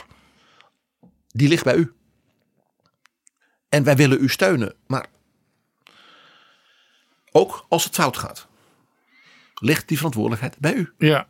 En het feit dat Schultz over dat daderonderzoek begon was waarschijnlijk om het niet erger te maken. Hè? Want zij moest iets zeggen op dat moment. Maar ze maakten het dus erger. Alsof er daders waren. Ja? Misdadigers. Nou, het gevoel van de ambtenaren was: we worden onder de, onder de tram geduwd. Om een blunderende staatssecretaris Dragje te redden. Toen hebben die bewindslieden, vooral de minister, onmiddellijk die nacht een besluit genomen. Ik zei, die twee treinen die reden op elkaar af. En op dat moment ineens was er gelukkig nog een kleine wissel. Ja, Zij heeft toen gezegd: morgenochtend, koffietijd, ik zal maar zeggen half elf, beleggen we een bijeenkomst voor alle ambtenaren. En ik zal ze kort toespreken. En toen heeft ze daar gewoon gezegd: ik bied mijn verontschuldigingen aan namens de staatssecretaris. Aan u allemaal. en daar, was, daar stond de staatssecretaris bij. Ja, wij zijn verantwoordelijk. Ook en natuurlijk vooral naar de Tweede Kamer en het parlement. Want zo hoort dat. Dit hadden wij beide zo niet moeten doen. Zo heeft dus een van die ambtenaren mij recent verteld. Ja. Dit komt bijna niet voor, hè? Dat, dat het zo eh, eh, rechtstreeks wordt toegegeven. Zo hadden wij dit niet moeten doen. En het grappige was dat de ambtenaren ook zoiets hadden van: oké, kou was eigenlijk wel belangrijke mate uit de lucht. Eh, ja, wij begrijpen ook wel dat in een pijnlijk kamerdebat, ja, laat op de avond, je ook wel eens een keer iets zegt dat je denkt: oep, dat had ik misschien toch niet moeten zeggen. En zo'n dreiging met gerechtelijke maatregelen, disciplinaire straffen, kon natuurlijk in de Tweede Kamer al helemaal niet. Als de minister dat moet doen, dan doet hij dat dus intern dan kan hij ook des te krachtiger ingrijpen als hij naar de Kamer, naar de media, ja, naar het parlement staat voor zijn mensen. Ja, en zegt het is mijn verantwoordelijkheid, u moet bij mij zijn. Ja, en niet lang daarna eh, vertrok Wilma Mansveld ook als staatssecretaris. Ja, over een ander dossier, maar je zag dat ze, ja, nou ja, haar positie was dus toch ondermijnd. Ze heeft overigens daar toen later, een keer in terugblik, een heel menselijk interview over gegeven. En toen zei ze dit. Waar gehakt wordt, vallen Spaanders. Iedereen die werkt heeft wel eens iets van, dat had ik vandaag beter niet kunnen doen. Misschien moeten we als politici, als bestuurders, wat minder vinden van dingen waar we geen verstand van hebben. Ja, mooi gezegd. Maar ja, eigenlijk moest zij natuurlijk van ProRail-zaken wel, wel verstand hebben. Dat was gewoon takenpakket. Ja. Maar ook eerlijk. Ik, ik, ik moet zeggen, ik vond het eerlijk dat ze in een terugblik zei van ja, dat zijn dingen dat je denkt, nou dat had ik dus zo niet moeten doen. Ja, En- eh, dus eigenlijk ook een opdracht via betrouwbare bronnen aan bewindslieden, aan oud-bewindslieden. Schrijf je memoires of geef in ieder geval een, een goed interview om nog eens diepgaand terug te blikken. Deel je lessen, je ervaringen, eh, wat Mark Rutte zegt, de krassen die je oploopt en die horen erbij. Lo- verstop je daar niet voor. Nee, Je wordt er niet minder van als politicus, als bestuurder, als je ook daar eerlijk voor uitkomt. iedereen ziet de barsten in het vaasje en daar mag je best eens over praten. Nou, als het gaat om eh, moeite hebben met dingen waar je geen verstand van hebt, heb ik nog een laatste voorbeeld.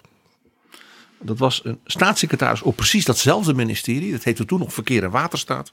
Oh. Tijdens Balken en de Vier. Oh ja, Eh ChristenUnie eh, zat daar natuurlijk ook in. CDA, Partij van de Arbeid, ChristenUnie.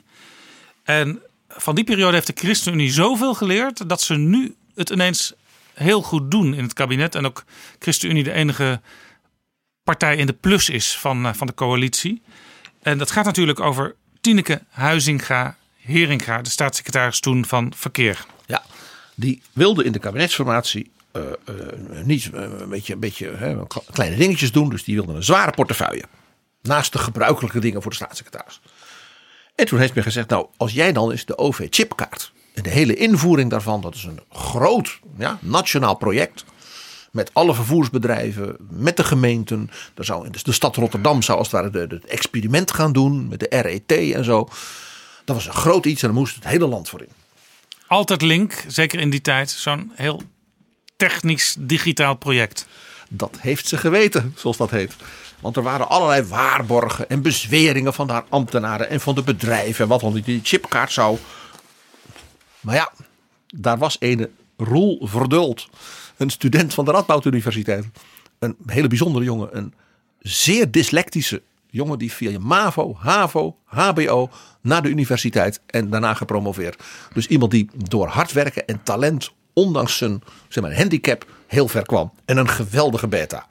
En die ging voor zijn professor en met andere studenten kijken naar het soort waarborgen voor dat soort systemen. En die ontdekte dat die OV-chipkaart, dat de, zeg maar, de, elke student op zijn, op zijn kamertje dat ding zo kon openbreken.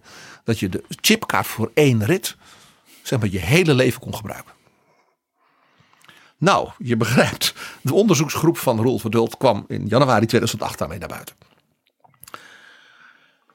Alle veronderstellingen over die chipkaart bleken geba- gebaseerd te zijn op eh, goedgelovigheid, eh, beloften en eh, ja, persberichten.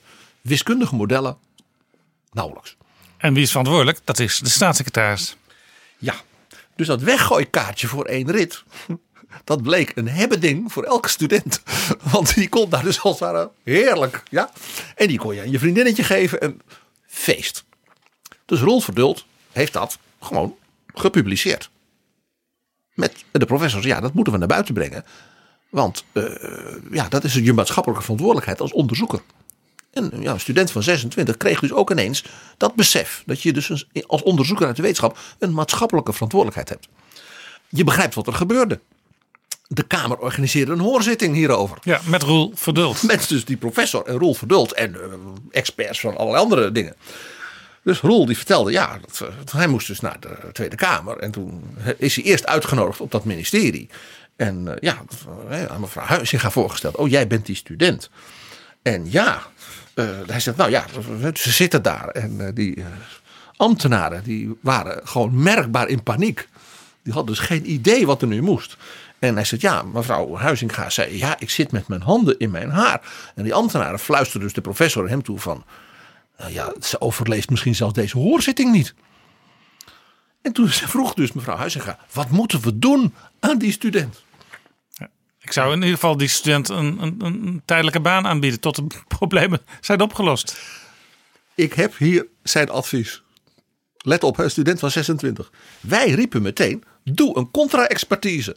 Laat dat onafhankelijk gebeuren. Je hoeft ons niet te geloven hoor. Wij zijn een stuk studenten die hebben onderzoek gedaan. Maar doe een contra-expertise. Laat nou nagaan of een ander dit beter kan. En kan bewijzen hoe het zit met die wiskundige modellen. Toen zei hij, dat is nou het leuke hè, bij beta-onderzoek. Je kunt dingen meten en dan kun je dingen bewijzen. Echt een Meten is weten. Weten is weten. Het was natuurlijk het allerbeste advies dat zeg maar, iemand zo'n bewindsman maar kan geven. Contra-expertise. Zorg dat je de feiten op orde hebt. Laat er kritisch door verschillende experts naar kijken. Dus niet alleen deze student die eigenlijk dus heel bescheiden ja, over zijn rol was.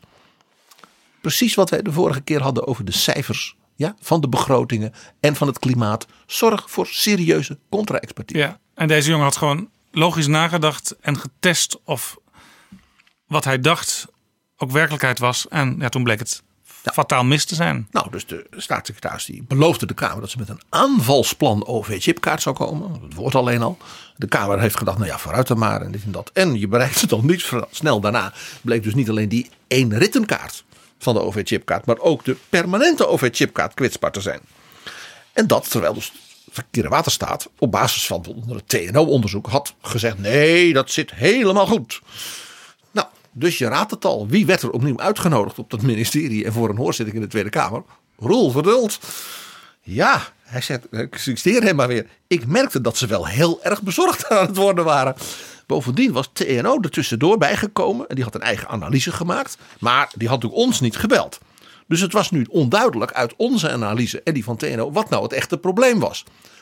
En dat kon dus de staatssecretaris in een inmiddels diep geïrriteerde Tweede Kamer niet meer uitleggen.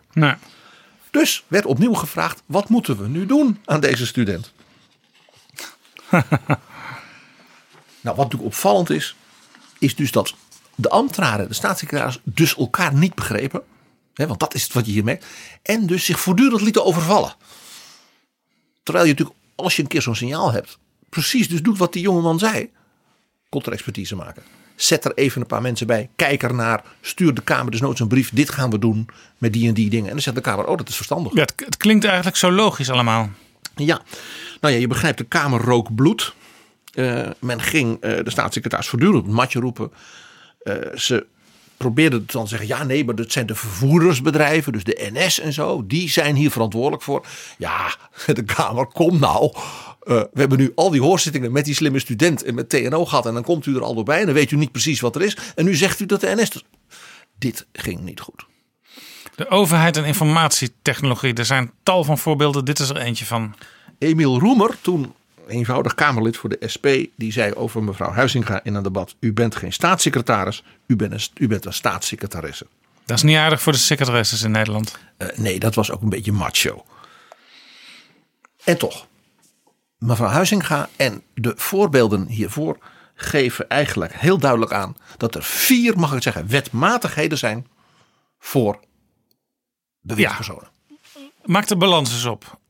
Wat zijn, je zegt vier, wat zijn de vier punten eh, waar eigenlijk iedereen uh, die bewindspersoon wordt of met bewindspersonen te maken heeft, rekening mee moet houden? En die dus ook partijleiders misschien en formateurs misschien zouden kunnen bijna op een kaartje kunnen hebben, die vier dingen. Ja, partijleiders die natuurlijk, uh, als het goed is, al ruim voor een kabinetsformatie, wijze van spreken al twee jaar van tevoren moeten die gaan nadenken.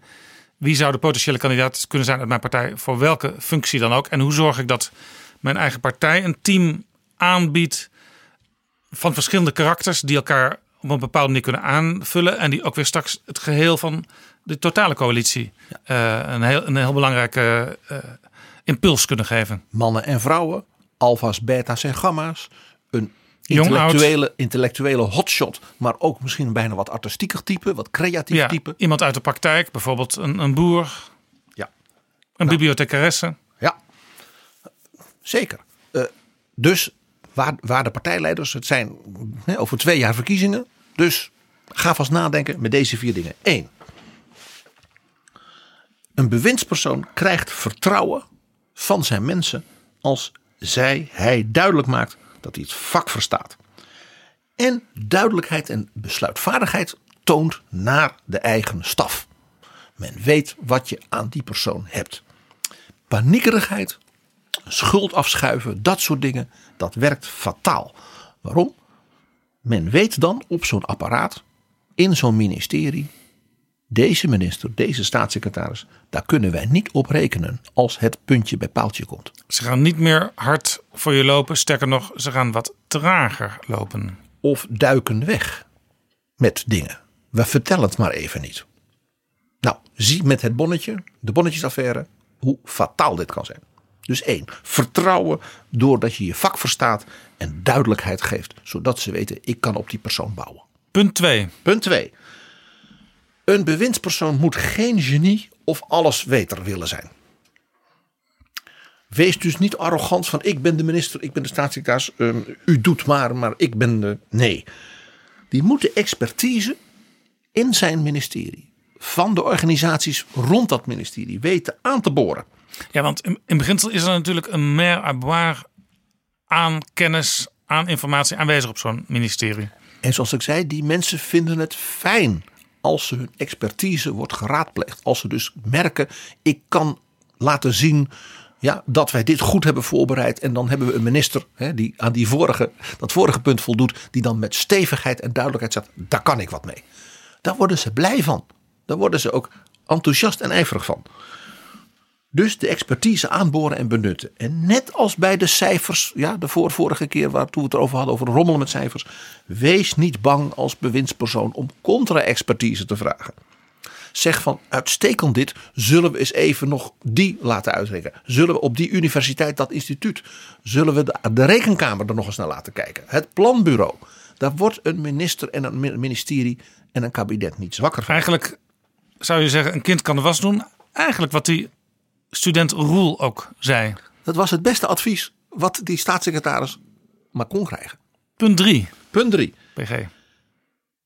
Uh, ja. Want je had er vier. Ja, punt 3. Maar hoe ga ik dat nou goed zeggen?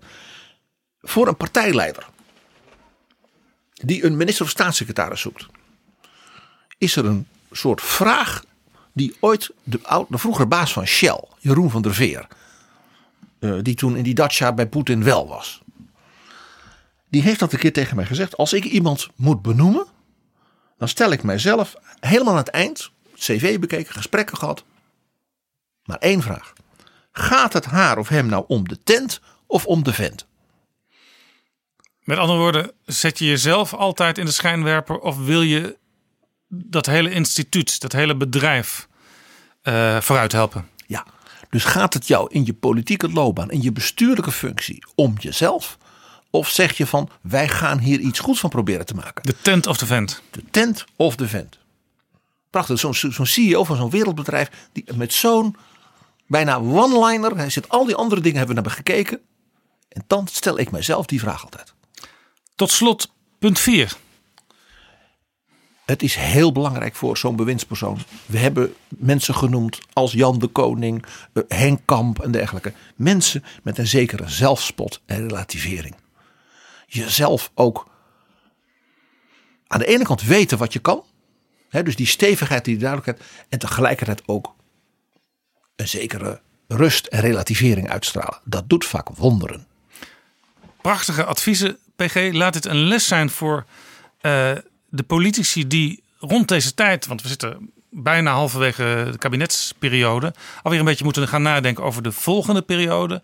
Dus mensen die daar nog niet heel veel ervaring mee hebben. Uh, Rob Jette, uh, Jesse Klaver, uh, Lodewijk Asscher moet natuurlijk ook gaan denken. Wie gaat hij namens de Partij van de Arbeid naar voren schuiven? Thierry Baudet misschien. Klaas Dijkhoff. Spoel nog even dit stukje, deze laatste tien minuten van Betrouwbare Bronnen terug. Lilian Marijnissen. Schrijf de punten achter in je agenda. En het gaat goed de komende jaren. En uiteindelijk straks in de kabinetsformatie komt er een heel mooi nieuw team uit. Dankjewel, PG. Dankjewel, Jaap. Dit was Pieter Gerrit Kroeger.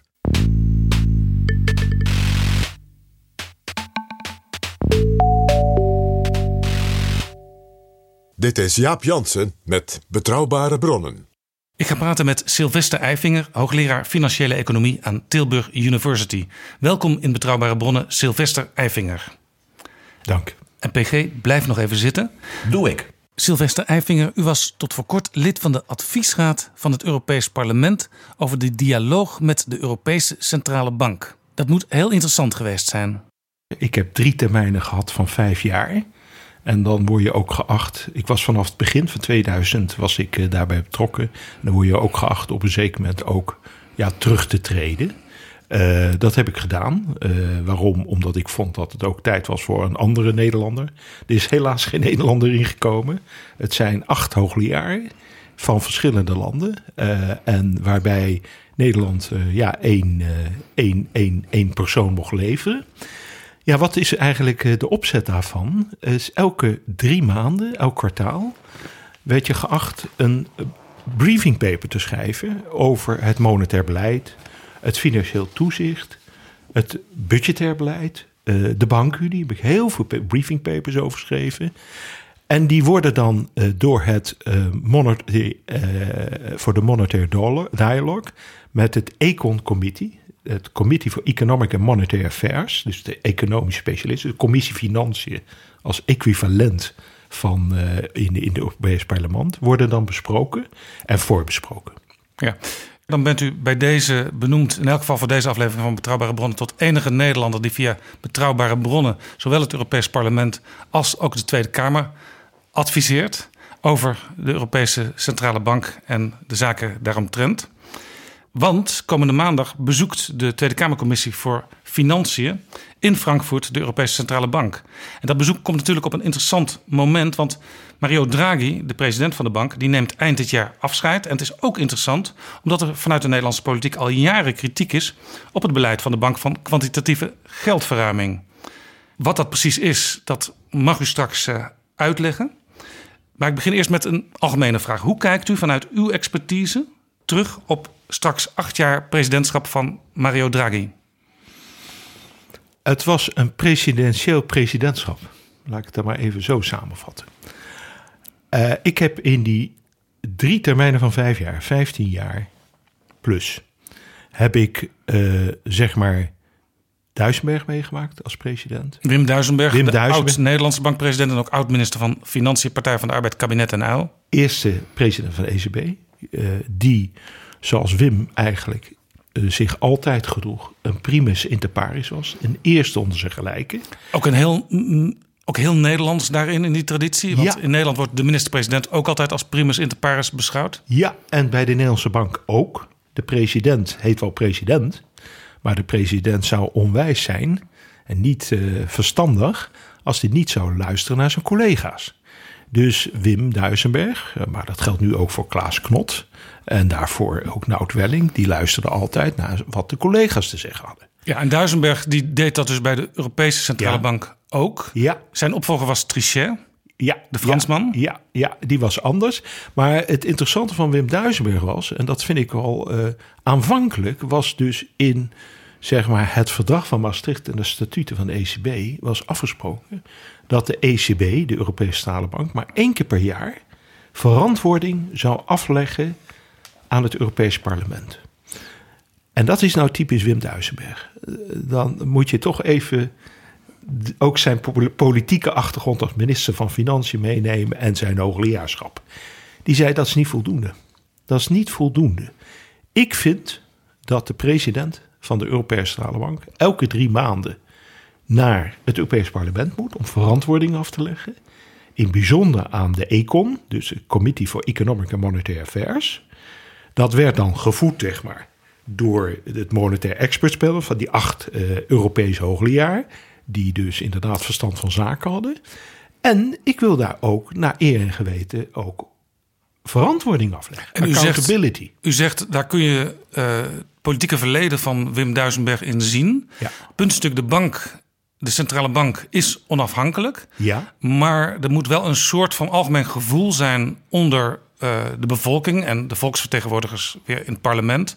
Dat wat die bank doet in algemene zin well done is. Ja, ik zal het sterker zeggen. Het is de andere zijde van de munt. Ik heb in mijn jonge jaren, dat is inmiddels al 25 jaar geleden, heel veel gepubliceerd over centrale bankonafhankelijkheid. Dus ik ben een voorstander van onafhankelijke centrale bank. Maar de keerzijde in een democratische samenleving is accountability, democratische verantwoording. En ook transparantie. Maar het belangrijkste is democratische verantwoording. Wat dus de Federal Reserve System doet in de Senaat en het Huis van Afgevaardigden in die testimonies, die nu inderdaad door Jay Powell worden gedaan en daarvoor Janet Yellen, daarvoor Ben Bernanke, dat die traditie die moet voortgezet worden ook bij de ECB. En die traditie van een onafhankelijke centrale bank, die dus verantwoording aflegt, ex post, ex post, niet ex ante, ex post over beleidsbeslissingen, is heel essentieel omdat we in een democratische eh, eh, rechtsstaat leven en een democratisch uiteindelijk dat beoordeeld moet gaan worden. En wat is daar voor andere eh, orgaan dan het Europese parlement? Ja, en een bank die eh, zich zou verschuilen, die maar heel af en toe verantwoording zou afleggen, die krijgt misschien te veel tegenwind op den duur. Ja, precies, precies. Het is essentieel, want wij hebben de meest onafhankelijke centrale bank in de wereld. Na de Bundesbank. De Europese Centrale Bank, ik was er ook bij. In die, ik heb ook gewerkt bij de Bundesbank, al die centrale banken, Bank de France, Bank of England. Ik was er ook bij toen het verdrag van Maastricht, moet je nagaan, ontworpen werd. Toen werkte ik bij de Bundesbank. Dat was Maastricht 1992. Ja, en daarvoor moesten natuurlijk die ontwerpteksten gemaakt worden. En die moesten vooral ook geaccordeerd worden door de Duitsers. In bijzonder de Deutsche Bundesbank. Want de Deutsche Bundesbank, meneer Peul en dergelijke, de baas daarvan, die was richting Kool en Mitterrand zeer argwanend en kritisch over wat zij met dus die nieuwe monetaire unie, hè, die door Delors was bedacht, wat zij, hoe ze dat gingen invullen. Want die dacht, de onafhankelijkheid die wij klassiek als Duitse Bundesbank hebben, die gaat eraan. Juist. En dit is precies het probleem. De Duitsers waren dus bang dat eh Kool in dit geval eh, te veel met de Fransen mee zou deinen. Ja. Waardoor de invloed van de politiek, de dagelijkse invloed, eh, ja, er, er plotseling zou zijn. Wat dus niet hoort bij een onafhankelijke bank. Zo is het. En de Duitsers stelden dus als eis... Kijk, Kool zat er anders in, want die zat met de hereniging van de Duitslanden. Dus er moest een uitruil plaatsvinden. Dat is natuurlijk het politieke werk. Hè? Je wil iets en je moet er iets voor teruggeven. Exact. Dus wat moest Kool teruggeven? De Europese Centrale Bank. En toen zei de Bundesbank, intern, ik heb die, al die gesprekken meegemaakt met Peul en met Schlesinger. Schlesinger was vicepresident toen. Maar Mr. Bundesbank, dat was degene die mij had uitgenodigd daar om daar een jaar te werken. Eh, en ik heb toen eh, alles meegemaakt. Ik kon alles lezen, ook de verslagen die geheim zijn van de Centraal Bankraad. In die hele discussie had de Bundesbank maar één belangrijk punt. De Europese Centrale Bank moet gemodelleerd worden naar het voorbeeld van de Deutsche Bundesbank. En vanuit Nederland werd ook met argusogen gekeken uh, hoe die Duitsers dat organiseerden. Want zolang die Duitse bankiers het goed vonden, kon Ja. Nederland het ook goed vinden. Vonden was, kon Nou. Nederland het ook goed vinden, was toen het idee. Ja, ik zou zeggen, ja, het is eigenlijk nog wat geraffineerder. De Nederlanders waren voorzitter van de Europese Unie op dat moment. Ruud Lubbers, Eh, Ruud Hans Lubbers. van den Broek. Eh, ja, en, en natuurlijk eh, Frans Andriessen was er ook nog bij betrokken. Eh, Want die was toen eurocommissaris. Die was en een hele belangrijke. hele belangrijke eurocommissaris. En dat is heel typerend vaak. Dat zie je nu ook met eh, in wezen Wopke en de Zeven Dwergen en Duitsland. Ja. Komt weer terug. Wopke Hoekstra. Wopke Hoekstra. Wat toen gebeurde, dat waren een tweetjes tussen de Duitsers en de Nederlanders. Want men was zeer argwanend over een politieke centrale bank. Die natuurlijk de Fransen wouden en de Italianen. En het was eigenlijk zo dat de Nederlanders waren in de lead als voorzitter. Bij het verdrag van Maastricht. Maar die 1 tweetjes, dat vonden de Duitsers heel prettig. Dat de Nederlanders, want dat zijn eigenlijk ja, in stabiliteitstermen pseudo-Duitsers. Semi-Duitsers. Ja, er wordt ook wel eens gezegd: Nederland is een provincie van Duitsland. Ja, ik heb wel eens het grapje gemaakt. We kunnen het heel simpel oplossen. Als Nederland nou gewoon met Wim Duisenberg een plaatje in de Centraal Bankraad krijgt van de Bundesbank, dan hebben wij het opgelost. Dat was voor ons natuurlijk aanvaardbaar geweest. Maar voor de Fransen natuurlijk niet, hè? dat begrijp je wel.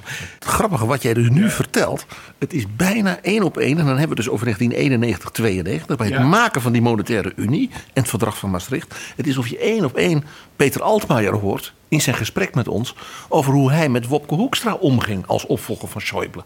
Is opmerkelijk. Dus een soort continuum zie je hier in de Europese geschiedenis. Dat is altijd. Ja, en het interessante is, wij hoorden, wij hoorden dat in betrouwbare bronnen van Peter Altmaier, hoe Ja. belangrijk zijn relatie en zijn overleg Ja. met de Nederlandse minister van Financiën is en met andere Nederlandse ministers. Ik hoor het nu van u, die eh, bij de eh, Duitse Centrale Bank eh, actief bent geweest. Ik kom daar nog elk jaar, want mijn eh, leermeester, ik ben ooit Helmoet Schlesing ook opgevolgd op zijn leerstoel aan de Humboldt Universiteit. Toen was hij inmiddels president, maar toen moest hij op een gegeven moment afscheid nemen van zijn leerstoel, want hij was te oud geworden, zo gaat dat dan. En toen werd ik uitgenodigd eh, in Berlijn voor een seminar. En eh, ja, toen eh, vroeg Helmoet Schlesing mij die leerstoel, Stiftungsprofessur voor Allgemeine, om dat op te volgen. Heb ik heel graag gedaan, vijf jaar gedaan, met heel veel plezier. En ik heb dat ook meegemaakt, hoe, hoe, hoe dat proces ging. Alleen de Duitsers waren zeer argwanend, maar ze wisten dat ze altijd konden vertrouwen op de Nederlanders. Kijk, eh, nu zie je dus ook dat Wopke Hoekstra met de Zeven Dwergen, maar eigenlijk ook Duitsland op de achtergrond. Ja, die zeven dwergen, nog even voor de helderheid. Dat zijn, laten we zeggen, de noordelijke landen tot en met de Baltische staten. En op de achtergrond praten soms ook nog landen als Oostenrijk een beetje mee. Maar dat zijn in ieder geval de landen Eh, stabiliteitsgeoriënteerde. die het financieel eh, zeg maar goed geregeld hebben. Ja. En die zich meestal wel aan de vastgestelde regeltjes houden. En die zich ergeren aan eh, landen als Italië, die het met regeltjes niet altijd zo nauw nemen. Exact. En daartussenin Frankrijk, eh, dat soms iets te veel meedijnt met die zuidelijke landen. Zo is het. Het zijn de Baltische staten die trouwens hun budgettaire discipline zeer goed op orde. De Finnen, de Oostenrijkers. Ja, de Zwitsers zitten De Ieren zijn er ook bij betrokken. Ieren zijn ook stabiliteitsgeoriënteerd. Het is eigenlijk, ja, hoe zeggen, de noordelijke landen. Het is de Hanze. Zijn de Hansen? Ja, het zijn de Hansen. Het is de Hansen, ietsje meer dan de Hansen. Maar heel belangrijk, want voor de Duitsers is dat belangrijk. Kijk, de Duitsers, die willen nooit van een alleingang beschuldigd worden.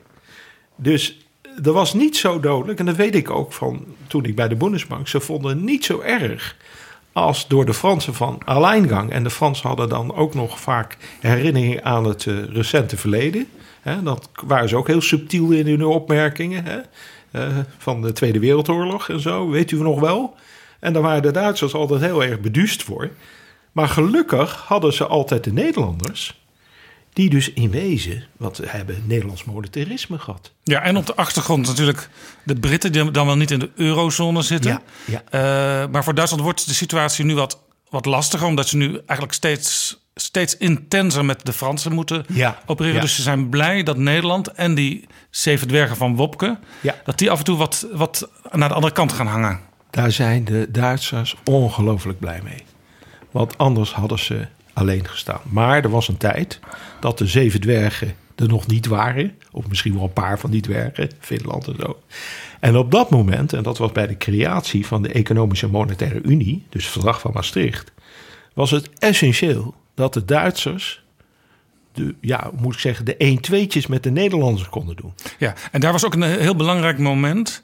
Eh, heel interessant, ik stelde een vraag over Mario Draghi, maar we beginnen natuurlijk bij Duisenberg. Ja, Dat groot president. Wat ook geruststellend Ja. was voor Duitsland en voor Nederland, dat uiteindelijk hij de eerste centrale bankpresident kon worden. Het kon geen Duitser worden in Frankfurt. Hè, er was nog een variant, dat hebben de Nederlanders niet handig gespeeld, zeg ik eerlijk.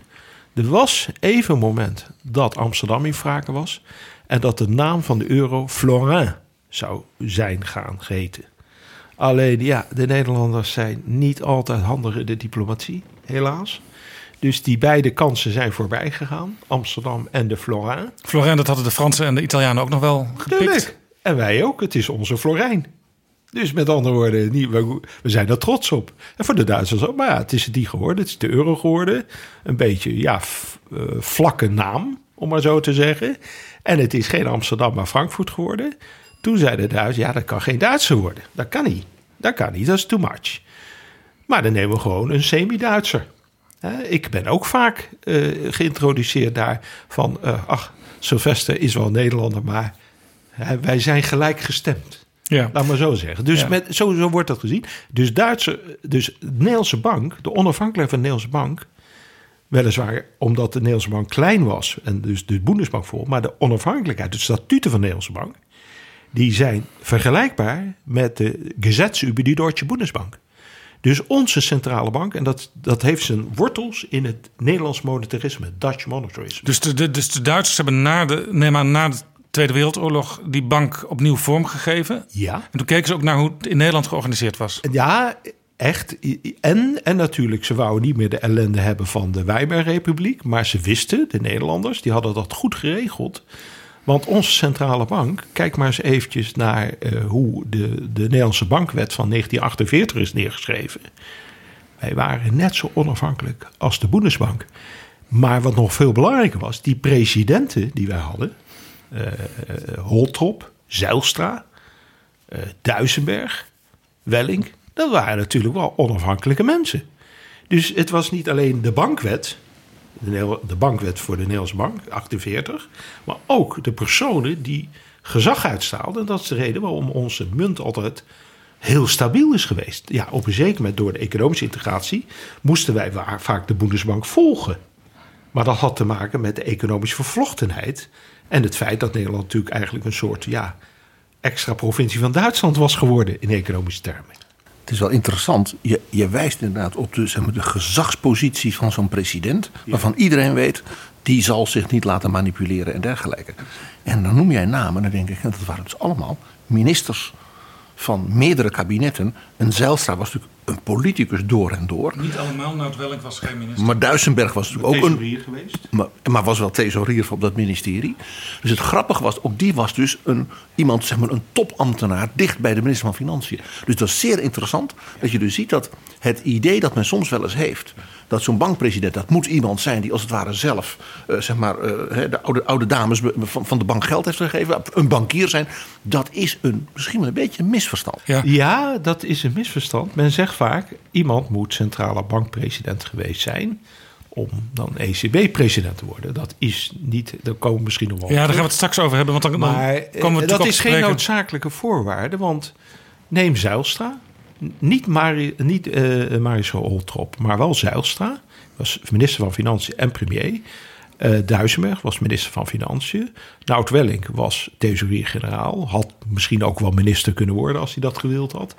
Maar er was altijd de usance dat je even een rustperiode had. Dus tussen zeg maar, het ministerschap en het centrale bank. Daar was eventjes een, een soort pauze. Vandaar dat Wim Duisenberg eerst even naar de Rabobank ging. Exact, exact. Eh, Je moest eh, even afstand Ja, nemen. Duisenberg was dus een primus inter pares toen hij Ja. eenmaal bankpresident in Europa was Ja. geworden. Ja, Eh, was dat bij zijn opvolger Trichet ook zo? ja eh, ik zeg altijd Trichet, maar, maar goed, maakt niet uit. Trichet zeggen de meesten. Eh, dat had Trichet ook. Maar Trichet had een stille ambitie. En dat merkte hij ook in die monetaire dialogue met de ECB-president. Dan zei hij altijd, we are a team. En, dat, en dan moesten we altijd lachen, want hij bedoelde eigenlijk, ja, ik ben de baas. We are team, maar ik ben de baas.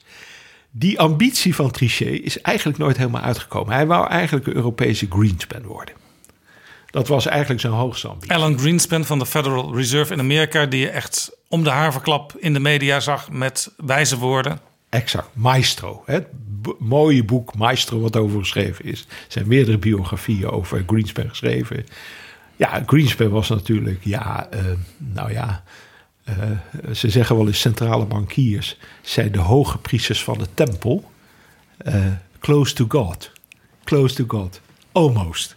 Een living legend. Een living legend, ja. Nou, dus, dus zo gedroeg Greenspan zich natuurlijk. Daarna zijn er wel wat problemen aan de orde gekomen met de eh, financiële crisis. Maar Greenspan had natuurlijk ongelooflijk veel standing in de wereld eh, als centrale bankpresident. En dat was iets wat de stille hoop van Trichet ook was. Hoe kan het dat hij daar uiteindelijk niet toe kwam tot die positie? Eh, twee redenen. Eén, hij besefte dat in deze periode als tweede centrale bankpresident dat dat nog te vroeg was. Want Wim eh Duisenberg, eh, die had een collegiaal bestuur. Dus eh, ik kan wel zeggen hoe dat ging in zo'n governing council meeting. Dan gaf hij eerst het woord aan de chief economist. Jij moet even voor het beeld, die Governing Council. De raad dat- van bestuur. Ja, dat is op dit moment zijn dat de 19 eh, nationale bankpresidenten. Eh, plus een directie van zes mensen onder leiding van de president. Ja. En die Governing Council die komt eenmaal per maand bijeen. Ja, nu eens in de zes weken heeft eh, Draghi veranderd. Zal ik dadelijk de achtergrond wel even van zeggen. Maar het was inderdaad eens in de vier weken. En Draghi heeft dat veranderd, want hij zei: ja, dat is te, te veel. En hij had natuurlijk veel meer het presidentiële model voor ogen. Zoals de Franse president ook zijn kabinet maar af en toe bijeenroept. Ja, ja. En zoals het in de, bij de Federal Reserve ook eens in de zes weken was. Dat had hij eigenlijk, ja. ja hij dacht van nou, dat is toch een beetje lastig, elke vier weken. Dus Draghi, Ja. als ik, het, als ik jou nou zo hoor, Ja. die, die realiseert dus eigenlijk die politieke ambitie van Trichet. Ja, zeker. Alleen Trichet heeft dat nooit voor elkaar kunnen krijgen. Door het eh, ja, toch eh, collegiale bestuur. En ook, daar zaten natuurlijk niet de minste in. Neem nou een Nout Welling. Of later eh, Lucas Papademos. Die natuurlijk een, een, een, een, een, een, een, eh, MIT-hoogleraar, Harvard-hoogleraar. Lucas Papademos, Grieks. Grieks, maar topklas. Topklas. Dat was natuurlijk gewoon, eh, ja, dat is gewoon superklasse. Net zoals Nout Welling. Dus die lieten, niet, die lieten zich niet kietelen, zoals de Vlaming zou zeggen. Zo is het. Hij had, Jean-Claude Trichet had zeer veel tegenspel. Van in bijzonder niet zozeer de, eh, ja, ook wel een beetje in de executive board, dus in de directie van Lucas Papademos, die vicepresident was geworden. Hè, Lucas Papademos was echt heel invloedrijk toen hij was, ondanks het feit dat hij Griek was. was speelde ook geen rol, hè? Speelde geen rol bij deze benoeming. Het ging gewoon puur om de kwaliteit van de man. Eh buitengewoon amabele man. Trouwens met een Nederlandse vrouw getrouwd. Een Sjaantje. maar in ieder geval dus even de Nederlandse connectie. Eh, en eh, daarnaast staat er natuurlijk een aantal centrale bankpresidenten van standing. Zijn die er dan nu minder? Want Trichet werd daardoor in de touwen gehouden. Ja. Er is ook wel eens gezegd dat ja, Klaas Knot... die is eigenlijk afkomstig uit het ministerie van Financiën. Dus die staat, zou je kunnen verwachten... heel dicht bij de Nederlandse Ja. minister, bij de Nederlandse kabinetten. En misschien is dat wel helemaal niet zo goed. Nou, het heeft te maken vaak met ook persoonlijkheid, karakter en ontwikkeling van die persoonlijkheid en karakter. Kijk, je kunt niet zomaar eh, minister-president worden. Daar zijn tussenstapjes. Je wordt eerst staatssecretaris en dan word je minister. Nou, zo gaat dat ook met een centrale bank. Thierry Baudet die denkt dat dat makkelijker kan hoor. Ja, eh, dat, helaas, ik moet hem uit die droom houden. Eh, je moet ook groeien in dat vak. Het is een heel hard vak. Je moet ook de hele trucendoos kennen. Dat geldt voor de politiek, maar dat geldt ook voor een centrale bank. Want kijk, een president van een centrale bank, dat vergeet men, is een semi-politieke functie. Hè? Ook al is hij onafhankelijk, is een semi, want hij moet in het politieke krachtenveld opereren. Ja, en je moet altijd, ook als je uh, in uh, Frankfurt actief bent, in die governing board, natuurlijk in je achterhoofd de belangen van Nederland meewegen. Zeker. Officieel in de statuten en dus het stemrecht. Wat aanvankelijk was het one person, one vote. Dat was van de Duitsers afkomstig, dat vergeet men. De Duitsers wouden naar het model van de Deutsche Bundesbank. Dus Hamburg en Berlijn, wat natuurlijk mini-staatjes zijn in Brandenburg, hadden evenveel stemrecht als Beieren en Noord-Rijn-Westfalen. En waarom was dat voor de Duitsers belangrijk? Ik ben bij die discussie geweest toen bij de Bundesbank, toen ze met die ontwerpen bezig waren. Toen zeiden ze: nee, wij willen collectieve besluitvorming. Als je collectieve besluitvorming, dan maakt het niet uit wat je omvang is. Elke regio krijgt één stem uh, en dat is het gelijke stem. Beetje à la het Nederlandse poldermodel. Ja, ja, eigenlijk, ja, en eigenlijk ook zoals de Federal Reserve. Maar ja, daar heb je de regio's die verschillende staten omvatten, hè, die regio's. Maar het idee is, je hebt collectieve besluitvorming. Voor het hele eurogebied in dit geval. Dan mogen de nationale belangen geen rol spelen. Maar sterker nog, het is heel belangrijk dat er een intrinsieke discussie wordt gevoerd in die Governing Council. En uiteindelijk, ja, uh, je kunt natuurlijk naar consensus streven. Dat zei Wim altijd. Wim die zei altijd, ja, ik ben een consensusman. Dat was die ook. Hè? Hij liet dan uh, Otmar Isin, die chief economist, het voortouw nemen. En dan hoorde hij iedereen aan. En dan vatte Wim dat samen van, nou, volgens mij is het algehele gevoelen dit en dit. En we gaan dat en dat maar doen. Is iemand ermee oneens? Hè? Om maar zo ja. te zeggen. En voordat de vergadering begon, had hij natuurlijk op een A4'tje al ongeveer staan hoe hij het uh, aan het eind van de dag zou samenvatten? Tuurlijk, hij had natuurlijk al met deze en gene gesproken. Maar hij, Wim was een consensusman, was een groot president. Is, is Mario Draghi dat dus niet? Ja, dat is hij ook wel op zijn manier, maar zijn met uh, een andere doelstelling. Maar nog even toch over ja, uh, Trichet. Die had dus zelf al uh, een, een mooie droom dat hij een presidentiële president zou worden. Ja. Dat lukte hem nog niet. Draghi is daar wel naar op weg, of misschien is hij het al. Nou, ik denk dat hij redelijk in geslaagd is. Maar mijn vraag was eigenlijk zojuist: zijn de checks en balances dan in die governing council op dit moment minder aanwezig dan in de periode Trichet? Ja, er zijn een aantal dingen veranderd. Uh, laat ik eerst met de objectieve feiten beginnen. In plaats van elke vier weken dus een bijeenkomst over monetair beleidsbeslissingen, elke zes weken. Dat is één. Twee, er zijn gewogen stemmen. En uh, het is natuurlijk zo dat uh, Draghi uh, altijd natuurlijk bila's had. Bilaterale overleggen met de presidenten in de Governing Council en natuurlijk in de Executive Board. En natuurlijk de stemmenverdeling al wist.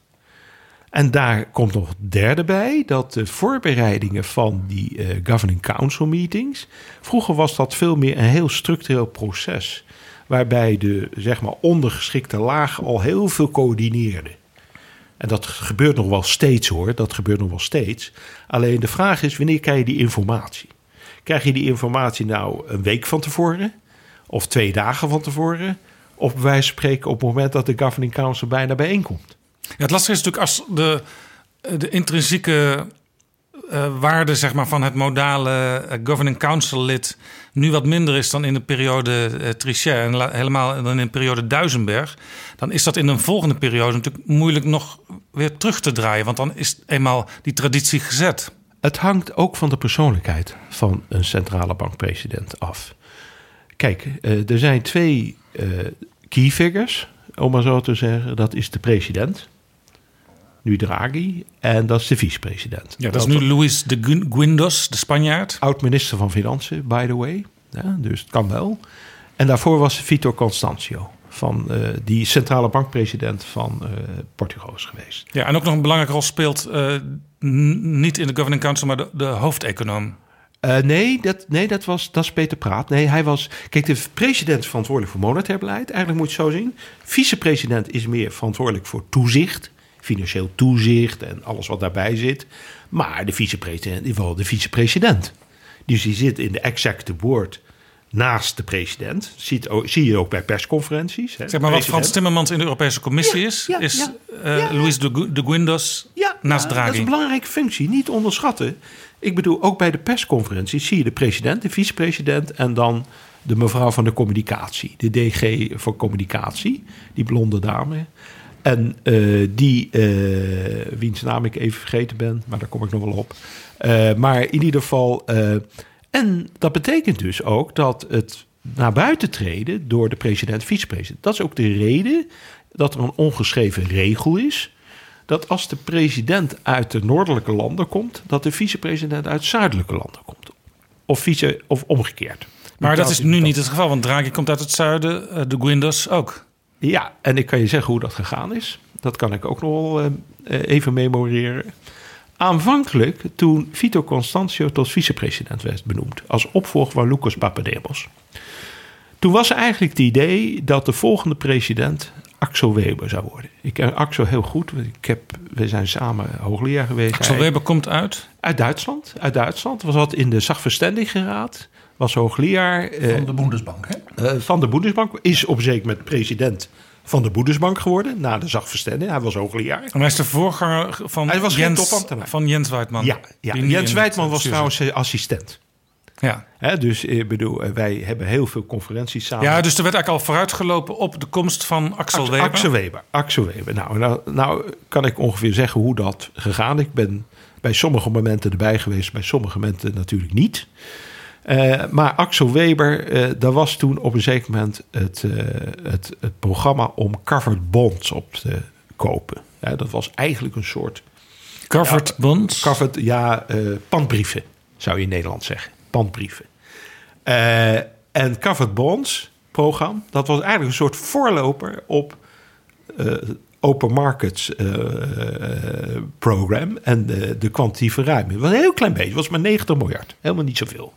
Het was eigenlijk een soort pietje pietje aftasten van het water. Een soort experimentje. Een soort Van hoe- experiment. Hoe, werkt dat als we dat Hoe doen? werkt dat? Mogen wij, mogen wij als ECB die covered bonds opkopen? Nou, ik werkte toen eh, als Wim Duisenberg Fellow. Dat is een onderzoekspositie bij de ECB. Dat eh, voor een half jaar. Hoogleraar. Naar hem vernoemd. Naar hem vernoemd. Dus maar één Wim Duisenberg Fellowship per jaar te vergeven. En dan wordt meestal Amerikaanse of Europese eh top-economen... Prestigieuze positie. Een hele prestigieuze, heel senior. Je krijgt ook eh, je eigen appartement en je krijgt ook je eigen eh, medewerkers en zo. En je wordt maar één ding geacht om op een samen met een aantal mensen van de ECB een, een mooi, mooi paper of papers te schrijven. Nou, een hele luxe positie. Dat was ik in 2009. Eh, en dan zie je dus ook hoe, het binnen functioneert. 2009 was trouwens ook een belangrijk moment, want toen was net de, een jaar eerder de financiële crisis Exact. uitgebroken. Nou, in 2009 was het jaar dat het voorstel kwam om die covered bonds te doen. Heel bescheiden, heel bescheiden. En toen zei Axel Weber, daar doe ik niet aan mee. Hij was principieel tegen. Hij was prins, ja, maar dat mag. Maar in de beslotenheid van de Governing Council mag je dat doen. Maar het vervelende was dat Axel dat dus ook publiekelijk ging doen. Die ging in de pers zeggen, ja, daar ben ik tegen. Ja, ik was tegen. Waarmee je in feite de heiligheid van de bank besmeurt. Eh, de collegialiteit en de discretie die, geacht wordt, die, die je geacht wordt te betrachten, want het is een collegiaal bestuur.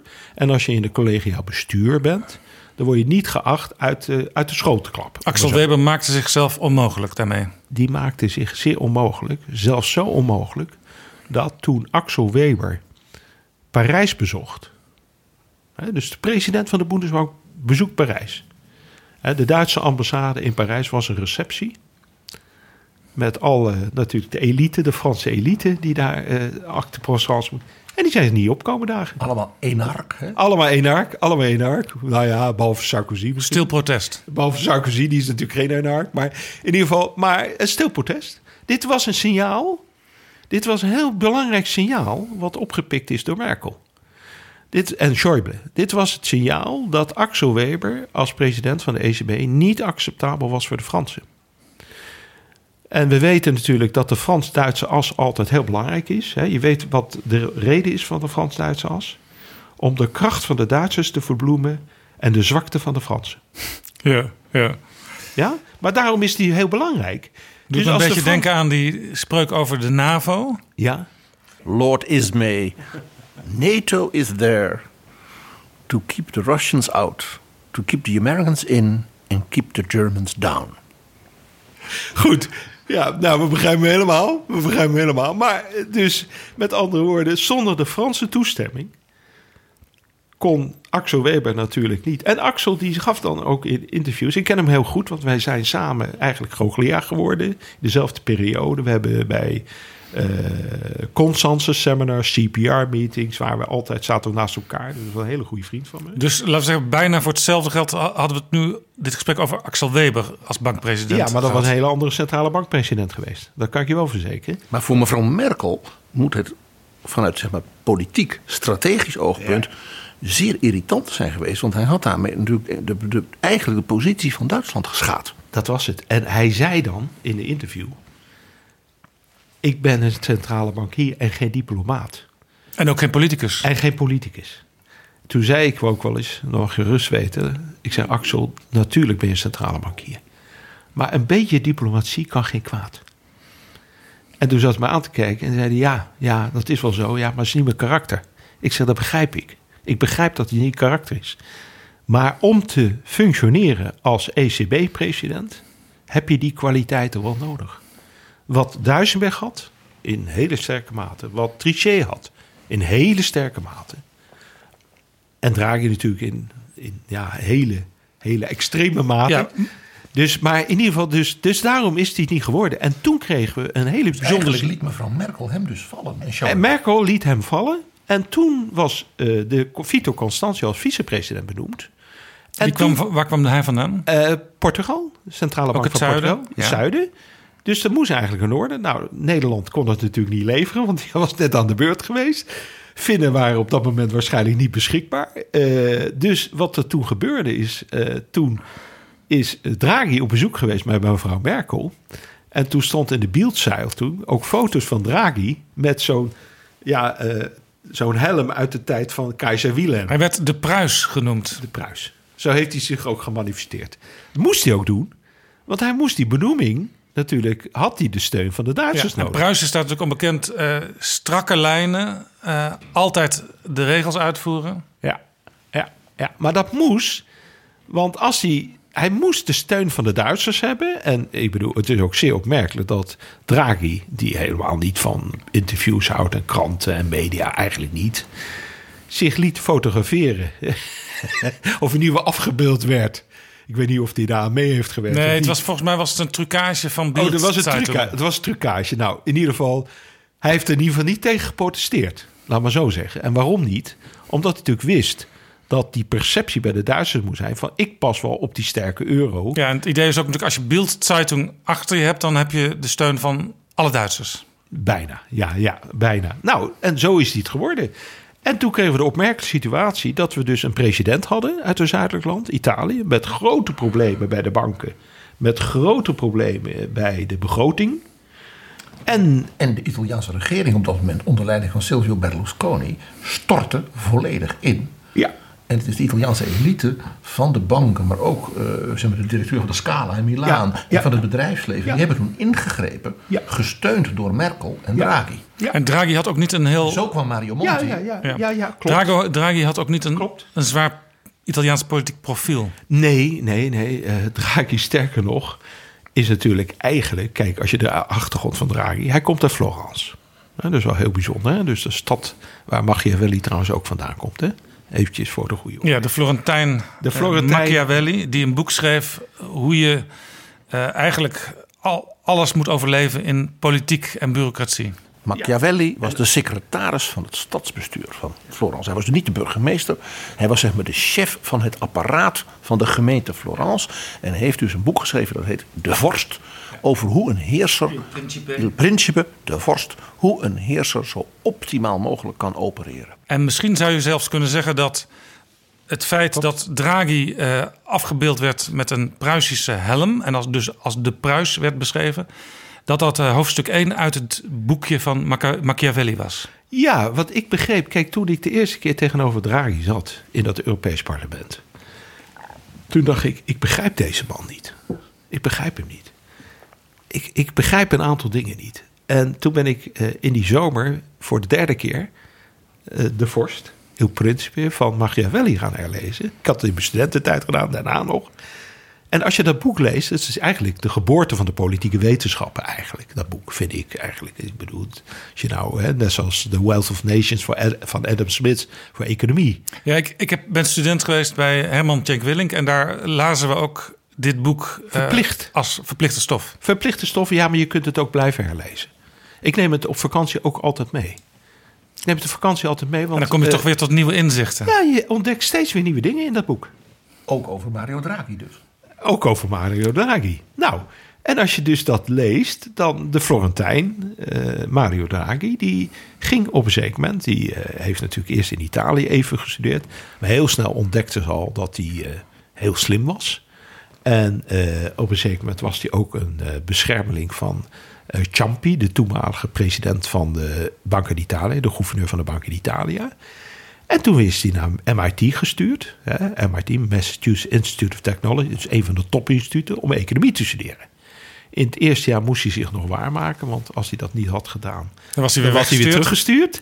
Dus, eh, want ja, zo gaat het bij Harvard en de MIT. Ik bedoel, je krijgt één jaar de kans. En dan moet je het echt waarmaken. En als je niet goed genoeg bent, ja, dan is het eh einde oefening. Dus als ik een cv zie waar Harvard of MIT op staat... moet ik altijd even kijken hoe lang de desbetreffende persoon daar heeft gezeten. ja, ja, kijk, die eh, zomercursussen, wat sommige mensen volgen bij een business school, die tellen niet, hè? Dat uh, zegt ze ook Harvard, maar dat noemen wij niet echt Harvard. Kijk, Maar Harvard is. hij redde het dus dat jaar. Ja, zeker. Zeker. Hij is zeer intelligent. Hij was zeer hardwerkend. Daar hoorde ik ook van al zijn professoren. Dus eh, nou, Paul Samuelson, Bob Soloff, eh, Olivier Blanchard, Rudy Dornbusch. Dat waren zijn hoogleraren. Ja, Paul, Stanley Paul. Samuelson, daar heb ik ook nog een, in mijn opleiding een boek van gelezen. Ja, nou, Handboek. de, met Bob Soloff, de, de, de Nestore van MIT Economics. En daaronder komt dus de laag zeg maar, van ja, de helaas te vroeg overleden Rudy Dornbusch, Stan Fischer, Olivier Blanchard. Dat waren de leermeesters van Draghi. Ja. Daarom heeft Draghi ook veel respect voor de MIT en Harvard professoren. Waarom Ja. heeft hij veel respect? Omdat dat zijn leermeesters waren. En dit hielp hem dus ook om op, in die functie te komen. Want men zag, de, de andere Europeanen zagen... hij is breed en diep geschoold. Ja, de man is super intelligent. En als beschermeling van Ja. meneer Ciampi. Ja, Dat was natuurlijk ook een plus, want Ciampi was natuurlijk een van de meest vereerde presidenten van Italië. Eerst van de bank, maar daarna van het Ja. land. Ja. Die de zaak toen Italië helemaal instortte, Ja, gered bij heeft. elkaar hield. Ja, in, de, in Italië, wat natuurlijk, hè, je ziet, eh, als je, het is altijd een lappendeken geweest in de tijd van Machiavelli, maar het is eigenlijk nog steeds een lappendeken. Was er één instituut wat altijd boven elke twijfel verheven was. En dat was de Banca d'Italia. Daar, kwamen, daar zaten de topmensen, daar zaten de mensen die het publieke belang verdedigden. En die eh zorgden dat Italië op de kaart stond. De Banca d'Italia is ook een levera- leverancier geweest van vele belangrijke ministers en presidenten. Dus Banca d'Italia was echt. Nou, een, eh, eh, Mario Draghi is natuurlijk. Voordat hij president van de. of de gouverneur noemt men dat daar. van de Banca d'Italia. is hij eerst thesaurier-generaal geweest. Dat is ook heel belangrijk. Dat is het voorstadium voor presidentschap. En heeft hij natuurlijk ook nog eh, bij Goldman Sachs gewerkt. Hij heeft ook bij, centraal, eh, bij banken gewerkt. Dus Mario Draghi, die kent alles. Die kent dus het bankwezen. Die kent het ministerie van Financiën. Die kent de centrale bank.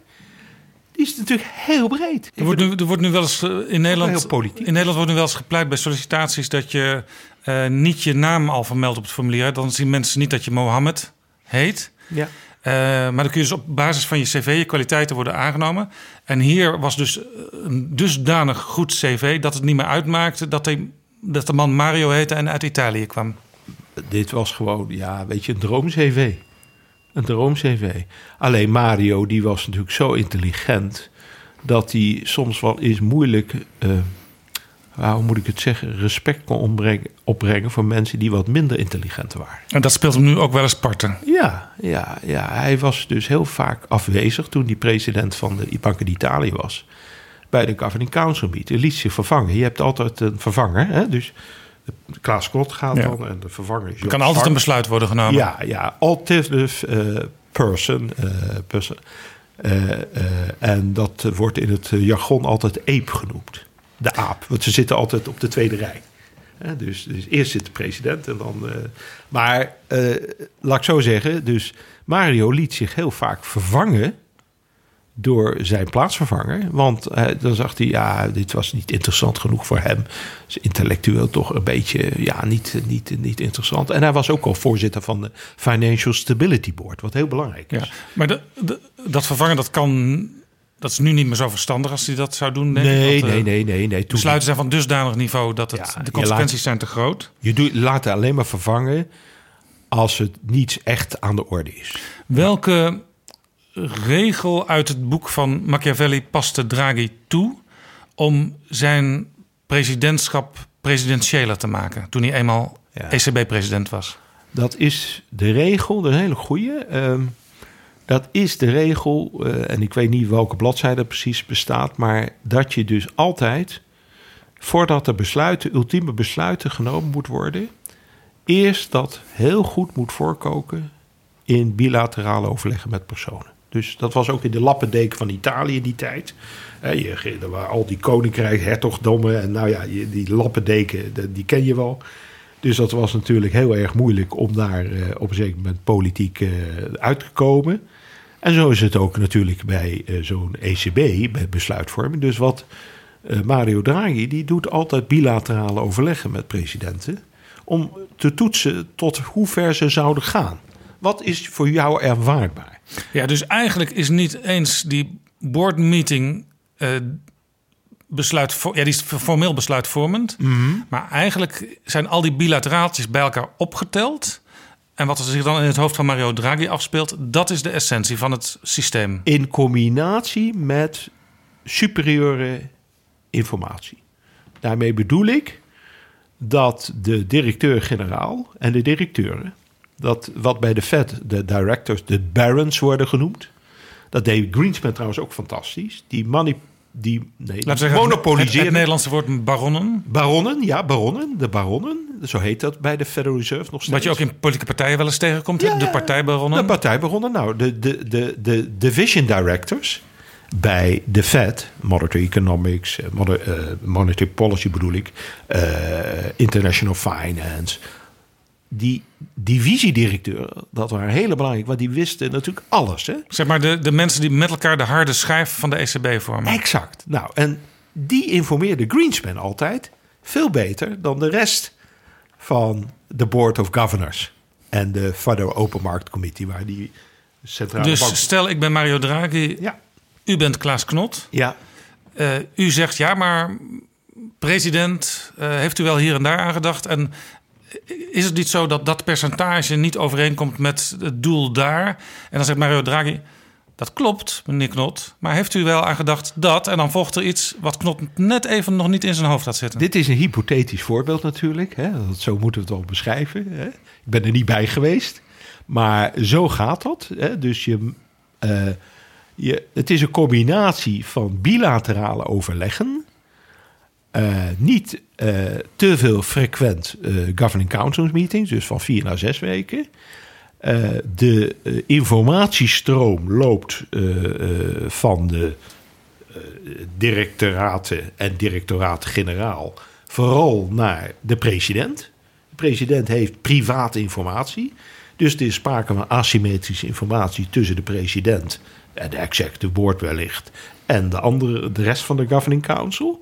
En daarmee heb je natuurlijk niet alleen, je weet niet alleen wat de posities in dat spectrum zijn van die presidenten, maar je weet ook eigenlijk, je hebt superieure informatie. Je hebt de laatste informatie. En daarmee kan je uiteindelijk in zo'n governing council meeting toch op een zeker moment uiteindelijk het ultieme argument hebben. Doet mij ook een beetje denken aan hoe Ruud Lubbers functioneerde als minister-president. Ja, dat, eh, dat, daar weet ik wat minder van. Want dat is, ja, ik ken Ruud natuurlijk heel goed, omdat hij Die was ook voortdurend bilateraaltjes aan ja, het plegen. Klopt. Ja, dat is Die waar. haalde ook rechtstreeks informatie bij ambtenaren Ja. van andere departementen. Ja, ja, ja, ja, maar ik ben, dat is eigenlijk, kijk, Ruud Lubbers heb ik vooral meegemaakt als voorzitter van stichtingsbestuur van de Tilburg University. Die zat altijd bij mijn sociëteitsbijeenkomsten, altijd.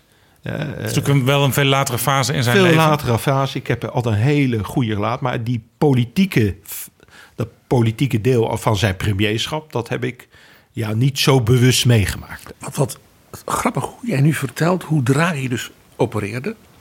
Ik moest onmiddellijk denken aan hoe hij in de Tweede Kamer, bij die hoorzitting waar hij optrad, hoe hij toen precies zo. Hij wist van elk van die, of het nou de man van de VVD was, of Renske Leijten van de SP, of Pieter Omtzigt, of zelfs Thierry Baudet. Hij wist precies zeg maar, het bilaterale belang van die persoon.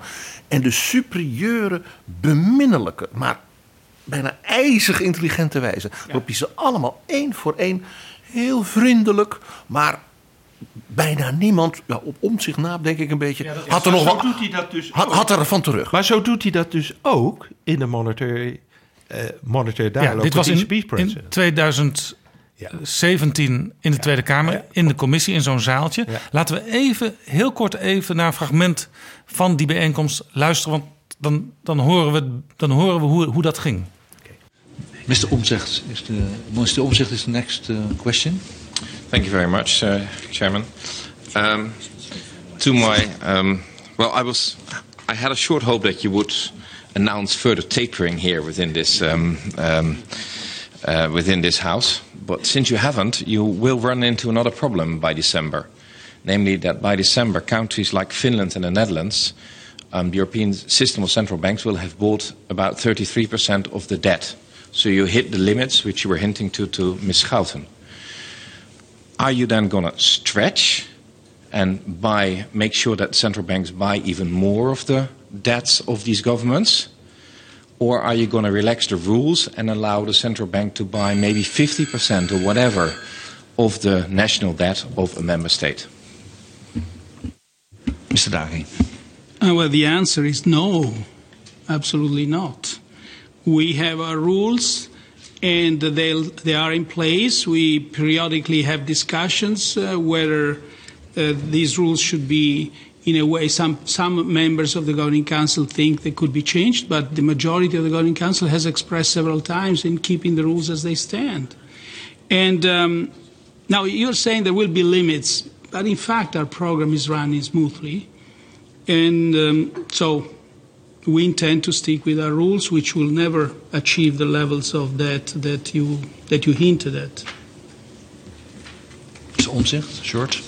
Thank you. So that means that by the end of the year, when you have hit those limits for relevant countries in the Eurozone like Finland and the Netherlands, you must stop the program because otherwise you don't have an evenly distributed buying of the bonds because you would buy more of Italy or Germany, which have larger stocks of bonds than Finland or the Netherlands relative to their economy because they have more state debt.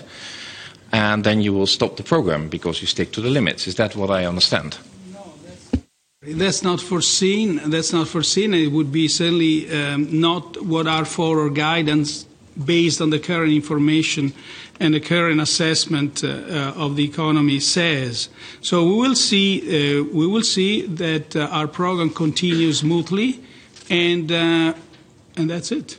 Dit was Mario Draghi in 2017 op bezoek bij de Tweede Kamercommissie voor Financiën. Heel rustig sprak hij. Eh, geen woord te veel. En soms toch even mensen keihard op de vingers tikken. zonder dat hij dat natuurlijk daadwerkelijk deed. Dat was Mario, Mario Draghi. Dat is, ik kan me ook nog herinneren dat op een gegeven moment de bel ging voor de stemmingen.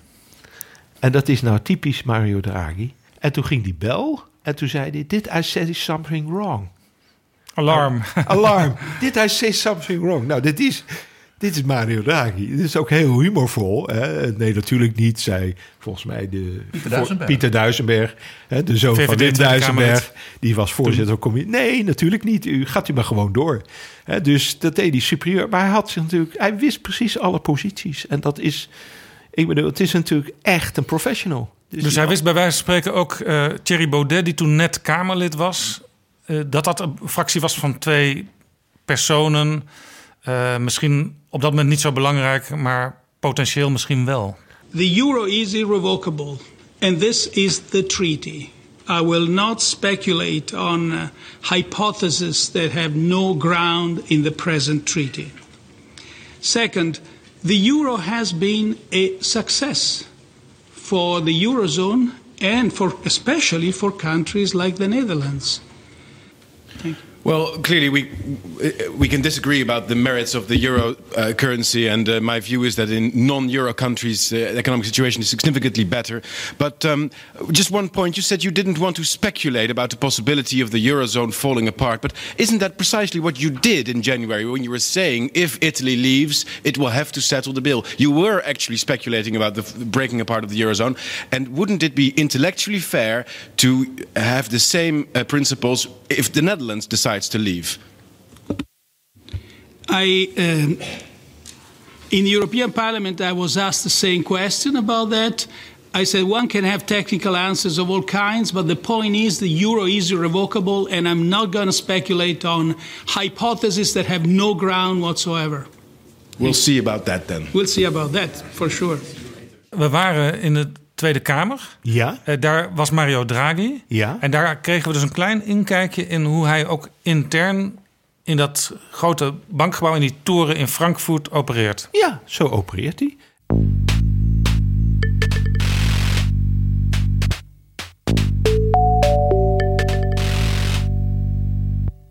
Dit is Betrouwbare Bronnen met Jaap Jansen. Mijn gast is Sylvester Eifinger en ik praat met hem over Mario Draghi en de Europese Centrale Bank.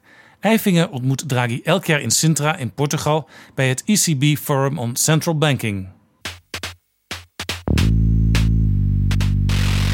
U neemt altijd deel aan dat forum. Hè? U bent daar aanwezig en dat is, dat is eh, heel bijzonder, want daar zijn centrale bankiers niet alleen uit Europa, maar bijvoorbeeld ook uit eh, Australië, uit Japan, uit de Verenigde Staten. En u mag daarbij zijn. Ja, het is eigenlijk de regel is 50 centrale bankpresidenten en 50 hoogleraren uit Amerika, uit Europa, uit Azië, eh, maar dan wel echt mensen die eh, ja, top op hun vakgebied worden geacht. Hè. En eh, daar krijg je een uitnodiging. Ik heb nu net de uitnodiging eh, binnen. Die moet ik nog eventjes, eh, ik moet even mijn hotel boeken. En dat is in Penalonga. juni meestal? Dat is eh, in dit geval 17 tot 18 juni. Nee, tot 19 juni loopt het. Tot 19 juni. 17 tot 8, 19 juni. Dat is in een verbouwde abdij. eh, eh, Penalonga, die namelijk eh, de buiten- security even buiten Lissabon, even buiten Lissabon in Sintra, die dus want de security is daar zo extreem. Ja, want je moet daar even in. Het financiële hart van de wereld is daar. Iedereen is daar. Ja, ik bedoel, alle centrale bankpresidenten die ertoe doen. eh, die hoogleraren zijn misschien wat minder belangrijk. Hè, die kun je vervangen. Maar, eh, maar die centrale bankpresident is toch wel lastig. Dus eh, je moet er toch niet aan denken dat daar een terroristische aanslag plaatsvindt. Nou, dus met andere woorden, dat is dus een heel afgeschermd compound. Echt een compound. Je rijdt daarin en dan heb je nog even een stuk te gaan. En eh, ja, om de vijf of tien meter staat er een security officer. Ik bedoel, en geloof maar niet dat als je badge vergeten bent op je hotelkamer, dat je, dat je het hotel uitkomt. En daar, daar ontmoet u dus eh, mensen die eigenlijk dezelfde ja, dingen in het hoofd hebben als u. Namelijk, hoe zit het met die monetaire politiek? Hoe functioneert die Europese Centrale Bank? Hoe gaat het met de economie in Europa? En het zal vast in de wandelgangen ook wel een beetje geroddeld worden over Mario Draghi. Zeker. Nou, het begint er altijd op eh, maandag. Eh, dus maandag, dan is de receptie op de lawn. Dan heeft iedereen net, netjes zijn pak aan met stropdas. En dan komt eh, Mario, maar ook Jean-Claude Trichet is erbij. En al, iedereen, ja, helaas Wim niet meer. En die komt iedereen een handje geven persoonlijk. En even een praatje maken. En, dan, en, zo gaat dat even door. Dan hebben we het diner. Dan is meestal een keynote Ben Bernanke of Janet Yellen of zo iemand. Die gaat dan een dinner speech houden. De zittingen van eh, de panel en de papers. Er worden ook papers door eh, wetenschappers gepresenteerd. Hè, dus collega's eh, van mij. die zijn officieel openbaar. Wat niet openbaar is, zijn de lunches, diners en alles wat je bij de borrel bespreekt. Je bent daar met, met 50 bankmensen bij en 50 hoogleraren. Dus Ja. een klein gezelschap. Ja. Je kunt vanuit elke hoek van de ruimte kun je iedereen eigenlijk waarnemen. Ja, ja. Daar is dus ook Mario Draghi. Ja, zeker. Hoe, hoe, hoe, hoe is hij daar? Hoe loopt hij daar rond? Maakt hij grapjes? Eh, wat Ja, is het voor man Heel daar? ontspannen. Heel ontspannen. Heel charmant. Een buitengewoon charmante man. Echt. Ik bedoel, eh, respectvol naar mensen. Eh, ik bedoel, heb ik, nou ja, een voorbeeld. Als je daar aankomt en de president van de ECB komt persoonlijk naar je toe om je een handje te geven om je te verwelkomen. Nou, dat is zeer respectvol en zeer charmant. En dat doet hij bij iedereen. En zo hoort het ook. En hij weet ook vaak wel, bij wijze van spreken, iets over Tilburg University of... Ja, nou ja, weet je, het gaat om personen. Hè? Je wordt daar dus niet uitgenodigd. Ik ben, word daar niet uitgenodigd, hoogleraar aan Tilburg University. Ik word daar uitgenodigd op persoonlijke titel. En ik heb natuurlijk heel veel gepubliceerd over de Europese Stalen Bank eh, in boeken, in publicaties. En ja, dat is de basis. Het is ook een persoonlijke uitnodiging. Je kunt hem ook niet overdragen. Mag niet over, is niet overdraagbaar. Je wordt op persoonlijke titel uitgenodigd. Ik was natuurlijk Wim Duisenberg fellow geweest, dus dat helpt ook wel even. En dan, eh, ja, dan mag je daar meedoen. En eh, dan is in de publieke gedeelte, zeg maar, met de panels, presentaties, daar stel je vragen. Nou, die kan je heel kritisch zijn. Af en toe dan fronst men wel eens een wenkbrauw natuurlijk. Eh, dat is niet helemaal de... de het, Nou, nou weet ik van mijn collega's in de financiële journalistiek... die kijken altijd met... die luisteren altijd met een gespitst oor... naar een toespraak van een bankpresident. En dan Klopt. is er vaak één zinnetje wat de crux is. En dat wordt dan meestal ook de headline die dag of de volgende dag in de krant. Ja. Gaat dat daar ook zo dat je denkt van... hé, hey, die Draghi op dit moment... eh, hij komt ontzettend positief over. Ehm, betekent dit dat hij misschien wel eh, volgende week... dat en dat besluit bekend gaat maken? Tuurlijk, tuurlijk, tuurlijk. Het is net zoals bij eh, Ben Bernanke, Janet Yellen en nu Jerome Powell, hè, Jay Powell. Als die, zeg maar, eh, die trouwens ook een hele goede president is hoor. Ik bedoel E plus hoor, Jerome Powell. En de vice president, de vice, vice chair van de Federal Reserve, dat is Rich Clarida. Eh, die ken ik ook nog van Ja. NBR. Maar laten we even Maar, ik bedoel, maar, ik bedoel, maar dat zijn dus mensen die dus. Dat zijn de informele meetings eigenlijk. waarin in een open wijze gedachten worden uitgewisseld. En u als ervaren ganger naar die bijeenkomsten... heeft ook gezien, gemerkt dat bepaalde discussies die daar, daar speelden... dat die van invloed zijn geweest op bepaalde besluiten... die bijvoorbeeld zo'n ECB later nam. Ja, zonder meer. Zonder meer. Natuurlijk werden daar al eigenlijk testing the waters. Je gaat eerst even kijken wat is de temperatuur van het water. Eens kijken hoe het bij de collega's valt. Hoe valt het bij de collega's? Hoe valt het bij die hoogleraar? Want dat is natuurlijk toch ook... Die hoogleraar, dat zijn natuurlijk de opinieleiders. Want die schrijven in Project Syndicate. Die schrijven allemaal belangrijke columns. En zijn natuurlijk lekker eigenwijs af en toe. Eh, als je niet eigenwijs bent, hoogleraar... dan eh, ben je geen knip voor je neus waard. Hè, maar het punt is, dat hoort erbij. Dat is een karaktereigenschap van hoogleraar. Ik denk ook voor journalisten trouwens. Dat hoort er ook bij. Maar het belangrijke is dat daar dus open discussies plaatsvinden... die dus niet, eh, ja, moet zeggen, gereguleerd zijn... in de bekende schablonen. En waarom is dat zo belangrijk? Eh, dat is belangrijk dat die centrale bankpresidenten, maar ook die wetenschappers, die willen dingen ja, uitproberen. En in die beveiligde, afgeschermde omgeving met Jackson Hole Rules kan dat. Dit is Betrouwbare Bronnen. De gast is Sylvester Eifinger, hoogleraar financiële economie aan Tilburg University. Laten we even dan ook naar het- het beleid van eh, Draghi gaan. Hij was net eh, aangetreden bij de ECB. Ja.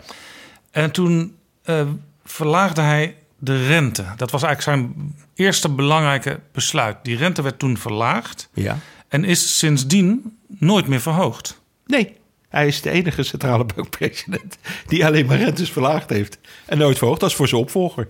En die lage rente Ja.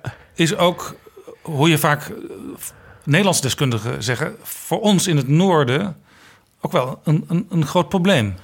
Eh, ik sterker nog, ehm, kijk, de combinatie van niet alleen de laagrente, ik wil bijna zeggen nulrente, hè, want de geldmarktrente, waar, wat het monetair beleidsinstrument is, niet de kapitaalmarktrente, dat is de lange rente, die kom ik zo nog op terug met die kwantitatieve verruiming. Want dan beïnvloed je ook de kapitaalmarktrente. Hè? Je interveneert op de kapitaalmarkt. Ja, laten we maar meteen even het beeld schetsen. Want eh, die rente werd dus verlaagd, is sindsdien niet meer verhoogd. Exact. Een aantal jaren later begon eh onder leiding van Draghi het project van die eh, quantitative easing, eh, kwantitatieve verruiming. Eh, misschien kunt u heel kort in één alinea even uitleggen wat dat is, kwantitatieve verruiming. Ja, is heel simpel. Eh, even nog eh, daarvoor, OMT was op een zeker moment, dat was conditioneel. OMT? Eh, open Market eh, eh, op Monetary eh, eh, Transactions. Hè? Dus, dus het opkopen onder condities als men eh, zeg maar in een eh, hulpprogramma was. Ja, dus landen als, eh, ik noem maar Italië, Ja. waar Draghi natuurlijk zelf vandaan kwam. Ja. die ha- had het financieel zo moeilijk, daar moest iets gebeuren. En die bank die kon daar een rol in spelen, die centrale bank. Ja, ja, en dat is door de Europese Hof goedgekeurd toen de tijd.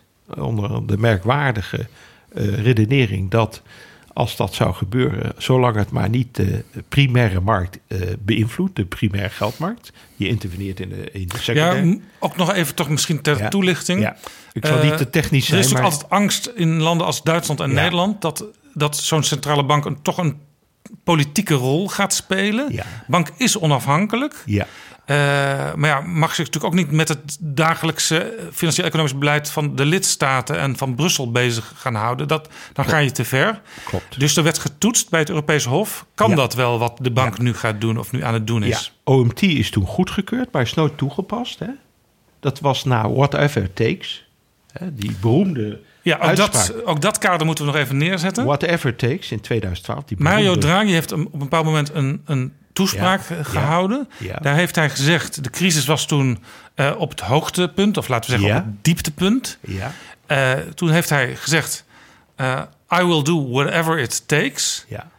En toen zweeg hij ook nog even en toen voegde hij nog iets aan toe. En hij had ook de voldoende middelen om dat te doen. Ja, maar dat was nog niet aanwezig. Sterker nog, ik denk niet dat hij met al By zijn collega's... necessary means, zei hij. En eh, Jeroen Dijsselbloem, de gast in Betrouwbare Bronnen, aflevering 2... die heeft daarover gezegd dat dat een soort toverspreuk van Draghi was.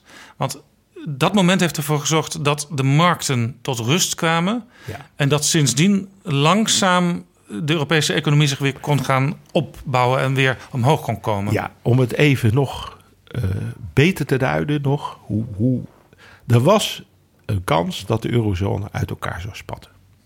Nou, we eerlijk zijn. Dat was op dat moment zo. Griekse crisis. Schetsen eurocrisis. 2008, 2009, 2010. Ja, dus er was een moment dat Mario Draghi... eh, wij noemen dat het convertibility risk, maar dat is een technische term. Het wil gewoon zeggen, wat is de kans dat de eurozone uit elkaar spat? Mario Draghi gaf die reden in Londen, notabene, City of Londen. Hè, eh, en die had dus die uitspraken whatever it takes. Alleen, hij had nog niks achter de hand op dat moment. Sterker nog, ik geloof niet dat hij al zijn collega's ten volle geconsulteerd heeft over deze uitspraak. Een voorbeeld van wat we net bespraken. Hij is ook wel eigen gereid. Ja, hij loopt voor de troepen soms een beetje uit. En dat mag hij natuurlijk als president. Alleen, ja, op een zeker moment, dan moet er ook boter bij de vis komen. Zou Wim Duisenberg zo'n speech gehouden hebben? Nee, denk ik niet. Nee, denk ik niet.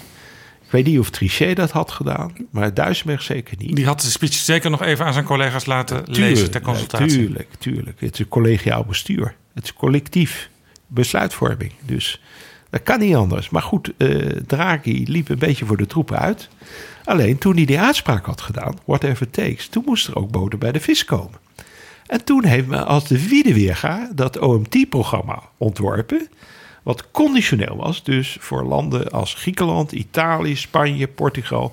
Als ze in problemen kwamen, als ze in Ierland, als ze op een zeker moment structurele vormingen afgedongen, dan was er het instrument van de OMT om dus op te kopen, Ja. obligaties op te kopen, maar het was dus conditioneel. Het is dus niet gebruikt, maar dat was wel whatever it takes by all necessary means. Ja. Kon op deze manier, als het nodig was geweest, ingevuld worden. Ja, eh, de Amerikanen zeggen wel eens, hè, ik weet niet van wie die uitspraak, eh, eh, speak softly but carry a big stick.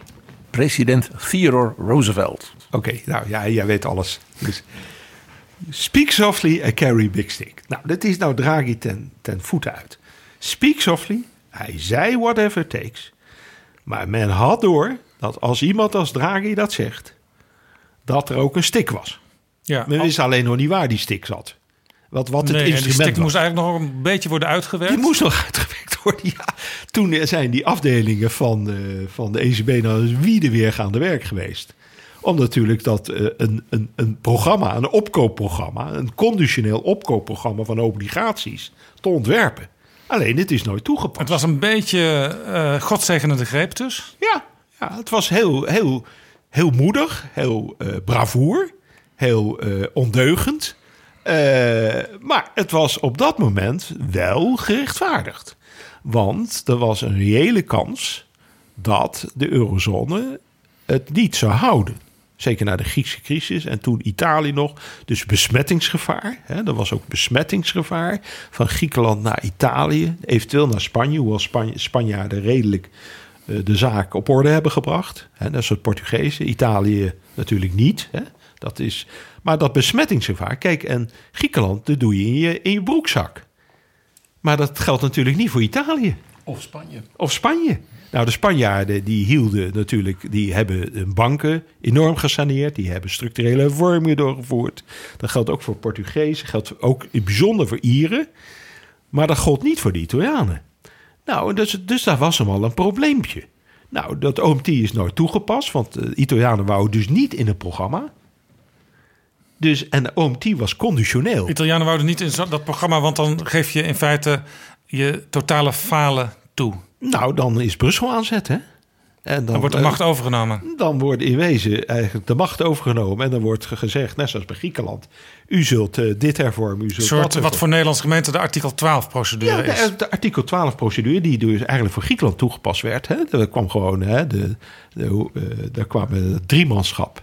Eh, en eh, dat driemanschap van IMF, eh, EU, Europese Commissie en ECB... die gingen gewoon even, de trojka, zoals dat heet... die gingen even voorschrijven wat de Grieken De moesten trojka, hervormen. de nachtmerrie van de toenmalige minister van Financiën van Griekenland. Ja, Varoufakis. Ja, daar heeft hij ook veel over geschreven. Wel een beetje eenzijdig, zou ik zeggen. Ik bedoel... Zijn boek heet ook Adults in the Room. En met die adults wordt niet hij zelf bedoeld. Ja, ja, ja, ja, ja, ja. Maar het is een beetje, eh, nou laat ik zo zeggen, wel erg zijn perceptie. Toch ik denk, interessant. Jeroen Dijsselbloem heeft daar gelukkig ook een andere visie. eh, of Ja. andere En die visie van Dijsselbloem die wordt eigenlijk door al zijn collega's wel gedeeld. Wat Jeroen in zijn boek heeft geschreven, dat is denk ik ook een redelijke, accurate beschrijving van wat er plaats heeft gevonden. En Varoufakis was natuurlijk een soort avant terrible. Eh, dat was hij al als hoogleraar, dat was hij zeker als minister van Financiën en ook niet handhaafbaar. Dus met andere woorden, de trojka die, eh, die vaardigt die, die, eh, die, ja, nou, ik wil niet zeggen adviezen, het waren directieven. Het was gewoon inderdaad Ja. artikel en, 12. En, en Griekenland is natuurlijk een relatief klein land, hè, 10 miljoen inwoners. Dus dat was nog wel te doen. Kijk, het, het was dagelijks natuurlijk de opening van het 8 uur journaal in Nederland. Maar het, het was te doen. Italië was natuurlijk een veel groter probleem geweest. Want dat is gewoon echt een groot land. vijfde economie van de EU. En nu van de eurozone natuurlijk. Ja, de, de vierde economie. Daar, daar kan Ja, je en niet- Italië is bijna een aparte aflevering van Betrouwbare Bronnen waard. Gaan we misschien ook nog wel eens eh, doen. Moet Misschien je ook- zeker doen. Mm, dat we u daar even Maar, nee, maar misschien mag ik dus aansluiten. Dus wat daar dus gebeurde, dus wat Draghi deed in 2012, dat was zeer verantwoord. Daar zou je mij niet over horen. Je zal mij niet kritiek hebben op wat hij daar deed, hoewel het wel heel apart was. Om inderdaad uitspraken van die orde te doen, zonder dat je dat allemaal geconsulteerd had met jouw eh, collega's, eh, Ja. of dat nou in de executive En in board- sommige hoofdsteden ging toch wel een klein rillingje over de ja, rug. dat, die waren allemaal verrast. Ik weet zeker dat een aantal leden van de Governing Council... en misschien zelfs van de Executive Board... daar niet helemaal van op de hoogte waren. Om het maar even zachtjes te zeggen. Maar goed, eh, het is gezegd. De president heeft dat gezegd. En dan moet boter bij de vis komen. Dat was dat OMT-programma, conditioneel. Alleen, dat is nooit toegepast. Dat is toch fascinerend. Dus je komt met wat, dan werd genoemd de Big Bazooka. Hè? Ja. En je, je gebruikt hem niet. Want blijkbaar was de dreiging ermee al voldoende om iedereen, ik zal maar zeggen, te ontnuchteren. Exact. Die stik die was achter de rug. En ze wisten dat die stik er was. Alleen hij is nooit toegepast. Alleen er is een andere stick toegepast. En dat is QE, het opkoopprogramma van staatsobligaties. Alleen dat is dus niet conditioneel. Dat is onconditioneel. Dus je hoeft niet in een hulpprogramma te zitten. Je hoeft geen directieven te krijgen uit Brussel over wat je aan structurele hervormingen moet doen. Het QE-programma is eigenlijk net zoals uh, in Amerika het TAR-programma, het opkoopprogramma van obligaties. Ja, in, feite, in feite voor geld. Voor de niet geschoolde uh, leerling. Ja. Staten, landen, overheden hebben uh, obligaties. Ja. de bank zegt: wij nemen wij nemen dat over, de waarde daarvan. Dan krijg je dus geld wat je vrij kunt besteden om bijvoorbeeld jouw economie een oppepper te geven. Ja, maar het heeft dus twee aspecten, Jaap. Kijk, als je opkoopt, obligaties, overheidsobligaties, of zelfs corporate bonds, hè, bedrijfsobligaties, daar interveneer je in de kapitaalmarkt. Kijk, de geldmarkt is altijd het domein van de centrale bank geweest. Dus liquiditeitsverschaffing. Dus via de rente bepaal je dat, maar ook via de hoeveelheid liquiditeit die in de geldmarkt pompt. En de kapitaalmarkt is natuurlijk een zaak van uh, het vrije spel der economische krachten, maar ook van uh, overheden. Exact. Ministers van Financiën. Exact, ja, en kapitaalmarkten zijn niet het domein formeel van een centrale bank. Maar door het opkoopprogramma, ik zeg niet de renteverlaging, maar het opkoopprogramma, je koopt dus overheidsobligaties of zelfs bedrijfsobligaties op. Maar laten we beginnen met over. En dit betekent dus dat de bank zich hier in uw visie op het terrein van de politiek begeeft? Het is fiscal policy with monetary instruments. Het is fiscal policy with monetary instruments. Je koopt obligaties op en daarmee beïnvloed je de kapitaalmarktrente. De kapitaalmarktrente op dit moment. Zoals, zoals de overheid, eh, zeg maar minister Wopke Hoekstra en staatssecretaris Menno Snel, door wat te draaien aan de schroefjes van uh, belastingheffing, hè? bijvoorbeeld dividendbelasting wel, wel of niet, ja. Uh, vennootschapsbelasting wel of niet verlagen, kun je de economie beïnvloeden. Ja, maar dat is fiscal policy, dat is begrotingsbeleid. En wij hebben geen politieke unie, Jaap. Dus met andere woorden, we hebben een economisch-monetaire unie, maar die is niet compleet. Die is niet compleet. Nee, in, mijn, in mijn boeken, ik bedoel, bedoel, die ik allemaal geschreven, mensen zeggen soms waarom hebben economen dat nooit gezegd? Wat de zwakke stee van de emu was. Dat hebben we wel gezegd. Sterker nog, we hebben het neergeschreven. Ik heb in een boek in 2000 met Jacob de Haan een boek geschreven bij Oxford University. waar we het ontbreken van fiscal policy heel duidelijk als een, als een, een, een, een Achilleshiel van de emu hebben gezien. Ja. En Mario Draghi zelf, die is dit denk ik met u eens. Want hij heeft samen met onder andere Jeroen Dijsselbloem het zogeheten Five Presidents Report geschreven. Wat een soort blauwdruk is, een soort visie. Ja. Waarvoor Mario Draghi en Jeroen Dijsselbloem niet naar de oogarts zijn geweest. Een soort visie op de toekomst van, de, van het financiële, Ja. de financiële eurozone. Ja. Eh, waarin ze dus eigenlijk met z'n allen concluderen. Soms hard, en eigenlijk soms meer als suggestie, maar dan weet je wel, ze willen die richting uit. Er moet nog heel veel gebeuren in de architectuur eh, van Europa.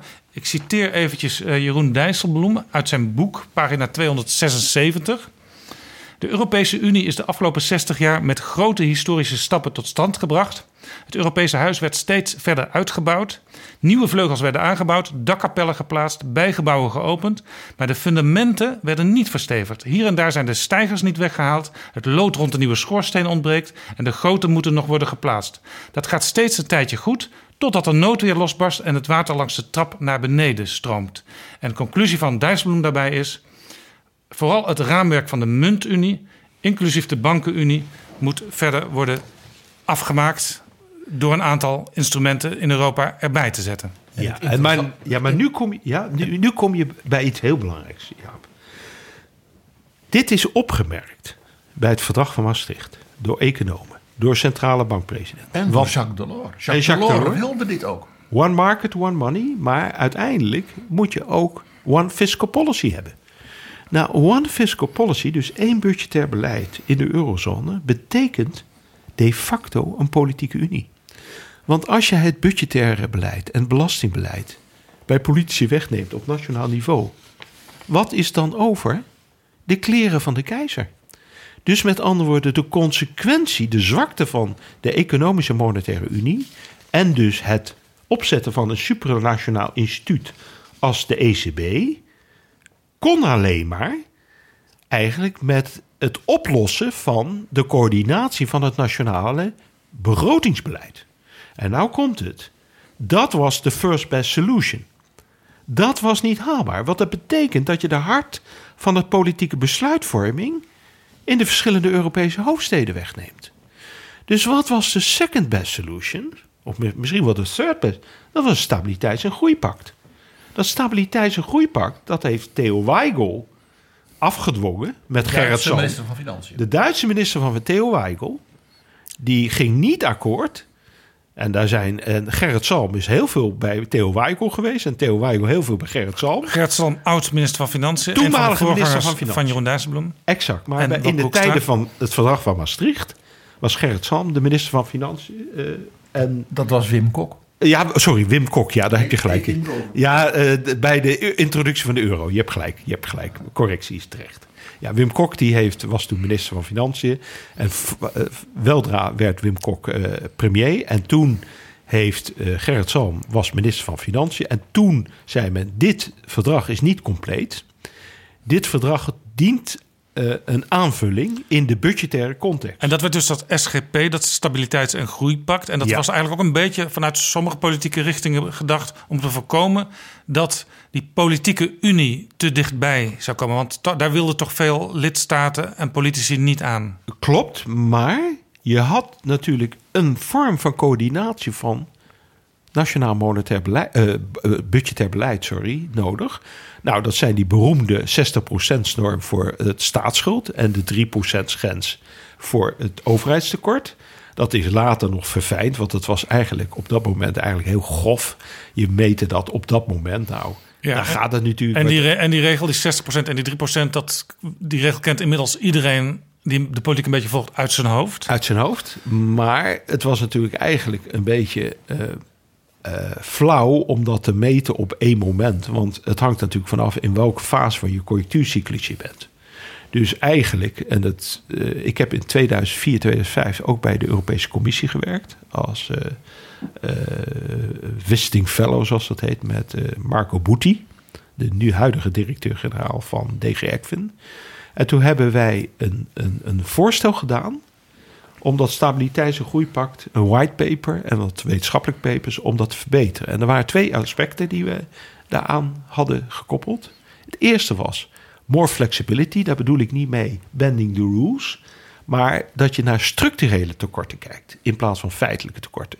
Dus tekorten die gecorrigeerd worden voor de cyclus, fase van je cyclus. Hè? Ja, als het dus slecht gaat met de economie, dan kun je soms wat extra geld erbij leggen om de boel te stimuleren. En als het dan goed gaat, kun je dat weer gladstrijken. Wij noemen dat de output gap. Het verschil tussen structurele groei en feitelijke groei. Je gaat Nederland, als het zegt de, de dijken in Zeeland zouden weer doorbreken, ga je Nederland niet straffen. Omdat je zegt, ja, we moeten nu geld bij elkaar sparen om die dijken weer te herstellen. En dat, kost, dat doen we gewoon om de schulden te maken. Exact, maar ook als je dus op een zeker moment eh, in een zware recessie zit. Nou, na, het- na de financiële crisis hadden wij een zware. Toen hebben heel veel economen hier, nou ik ga ze niet allemaal opnoemen, gezegd: Nou, er moet meer gestimuleerd worden. Ja. Dus het gaat om die structurele. Nee, maar er waren twee aspecten. En het andere aspect, weet je wat het was? Heeft het niet gehaald. Heeft wel in het concept Europese grondwet gestaan. Dat was namelijk unanimiteit. Dus met andere woorden, geen qualified majority, geen kwali- gekwalificeerde meerderheid. Want toen is eigenlijk ontstaan dat Frankrijk met eh Schröder, Chirac van, Frankrijk, eh, van eh, Frankrijk sorry, eh, en Schröder van Duitsland en wie was toen de minister-president in Italië? Dat, Berlusconi. Berlusconi. Die hebben toen met z'n drieën gezegd... nou, dat stabiliteits- en groeipact zetten maar even terzijde. Het komt ons even niet uit. En ze hadden een gekwalificeerde meerderheid. Dus ze konden Ja, moment... ja. De, de, de, de zondaren konden zichzelf maar absoluut toch even, we gaan, we gaan even terug naar de lijn van het gesprek. Eh, we, Ja. zijn, we zijn al, nou, laten we zeggen, 1 uur en 25 minuten in gesprek inmiddels. Oké, goed. Eigenlijk, ik, ik probeer erachter te komen. Wat is die Mario Draghi nou voor een bankpresident? Hoe functioneert hij? Wat kunnen we ervan leren? Ja. En wat ik tot nu toe heb geleerd is... er zijn nog heel veel ontbrekende schakels in zoals je zeg maar een optimaal financieel systeem zou Ja. inrichten. Maar stukje bij beetje met het boek van Machiavelli in de hand zorgt Draghi ervoor dat er toch wat meer politieke greep op Europa komt vanuit Frankfurt. Eh, De de Europese Centrale Bank is sinds de financiële crisis is meer gepolitiseerd. Dat kan je niet ontkennen. En dat is ook begrijpelijk, want dat geldt ook voor eh, het, ja, zeg maar de interventie van ministers van Financiën ten opzichte van banken. Banken moesten gered worden.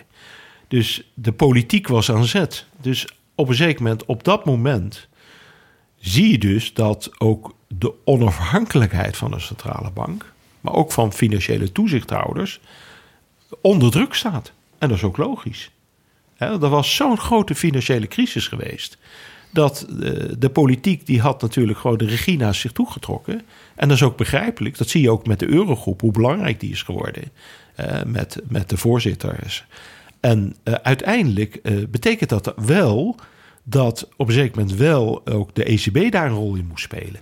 En als er dus geen Europees begrotingsbeleid gevoerd wordt, sterker nog, als de coördinatie van het begrotingsbeleid tussen de nationale overheden onvoldoende is, dan is er maar één supranationale instantie, dat vond Mario Draghi, die dat kan doen. Ja, dus ook als je eh, ministers van Financiën hebt die het laten afweten, dan, dan komt er een moment, dan komen er momenten dat de ECB wel moet handelen. Dat heeft Draghi letterlijk ook gezegd. Hij zegt natuurlijk is begrotingsbeleid is het prerogatief van ministers van Financiën, van de Eurogroep.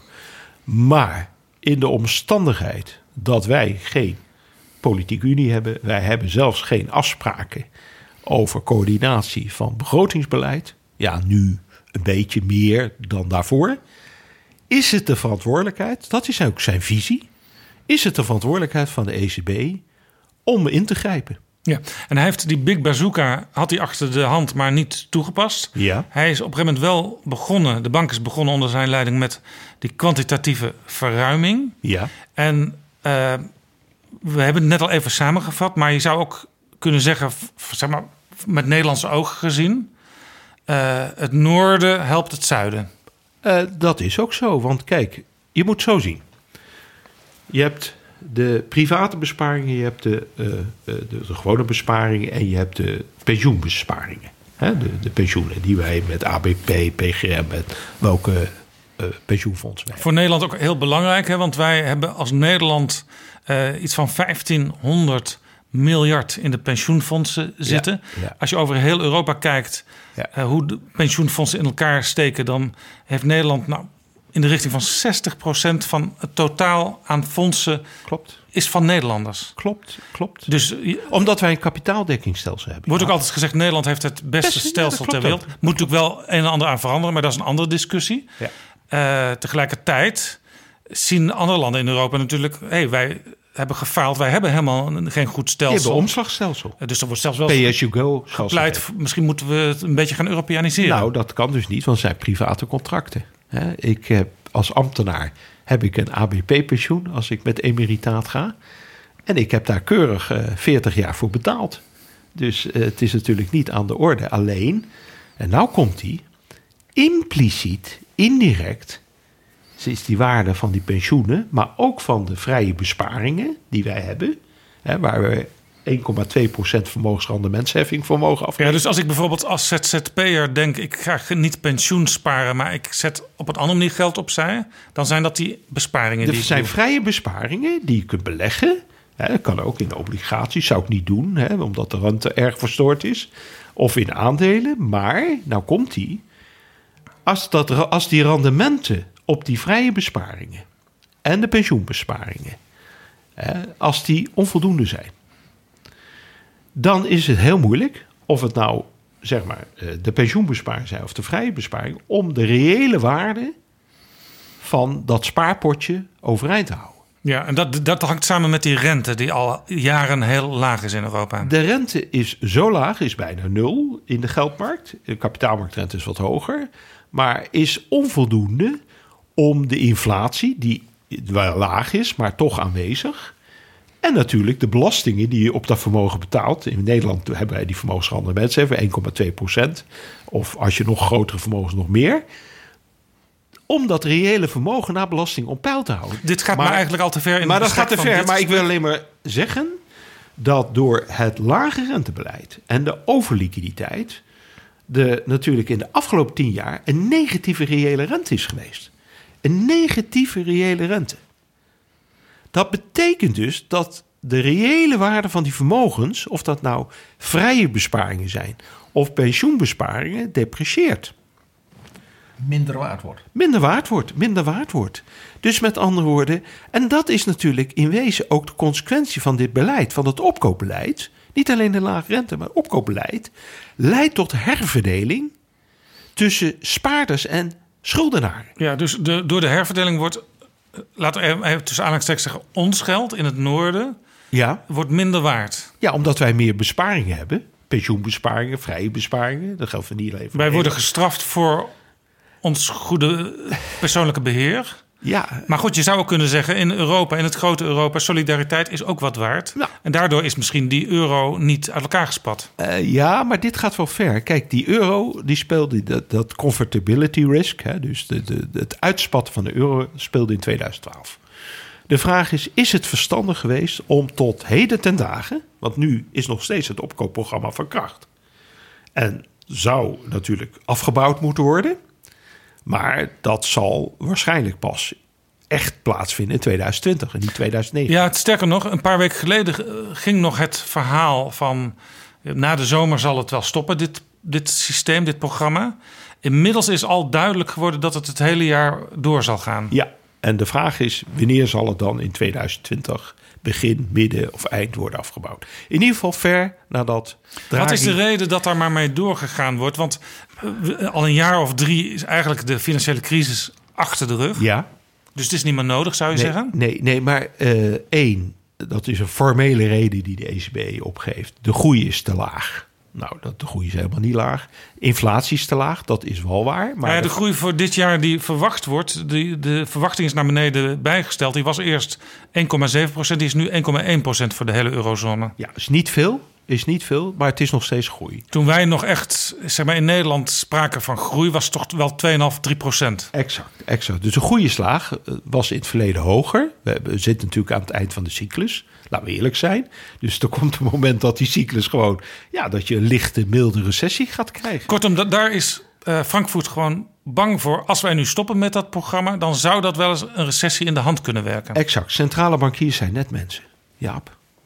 En dat betekent dat ze risicoavers zijn. En geen enkele centrale bankier wil ooit beschuldigd worden. Dat geldt niet, niet alleen voor Jerome Powell, maar dat geldt ook voor Mario Draghi. Dat zij door hun afbouwbeleid de recessie in gang hebben gezet. Maar ik had. eh, nee, maar dat is wel belangrijk. Ja, dus wat het kan net het setje zijn. En dat zo percipieer. Dat begrijp ik, dat begrijp ik. Maar aan de andere kant, en dat is maatschappelijk ook niet irrelevant, denk ik. Ja. Ik had hier in Betrouwbare Bronnen het gast Kim Putters van het Sociaal en Cultureel Planbureau. Ja. En hij zegt, eh, er is veel onvrede in de middenklasse in Nederland. De gele hesjes, zoals in Frankrijk, die zie je hier in Nederland nog niet. Maar ze hangen al wel klaar aan de kapstok. En die onvrede bij de middenklasse hangt natuurlijk ook samen met bijvoorbeeld... hoe gaat het verder met mijn pensioen? Ja, dat, kijk, die middenklasse, die heeft de grootste problemen. Die middenklasse, die heeft niet alleen afnemende werkgelegenheid... die heeft ook afneming van inkomen, inkomensonzekerheid... ook met de klimaatakkoorden en zo. Daar gaan we allemaal niet... maar ook in termen van vermogens. Er zijn bescheiden vermogens, maar die vermogens nemen reële waarde af. Ik heb na de crisis heb ik ooit gezegd, had ik het in 2008 in het FD over de muitende middenklasse. Dat die gaat komen. Het 2008, dus inmiddels eh, Tien jaar geleden. 11 jaar geleden. Ja, 10, 11 jaar geleden. 2008, 2009. Het stond in het FD. En toen kreeg ik van collega's, maar ook van columnisten... ik ga ze niet met name noemen... die zeiden, ja, die Eivingen noemen we de mij... maar ik voorzien ze niet op Malieveld. En toen zei ik, nee, maar daar hebben ze te druk voor.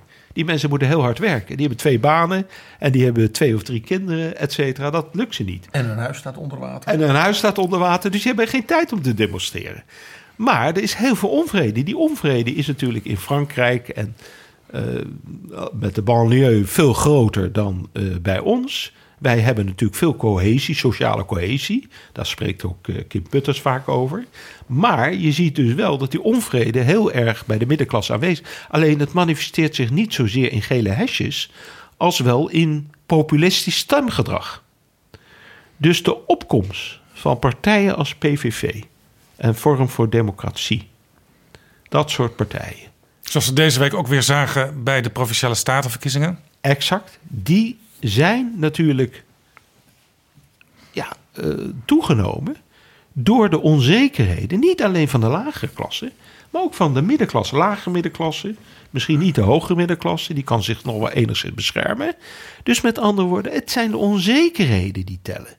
Mensen voelen onzekerheid over hun baan, onzekerheid over hun inkomen, onzekerheid over hun vermogen. Dus die zeggen, ja, en we werken zo hard.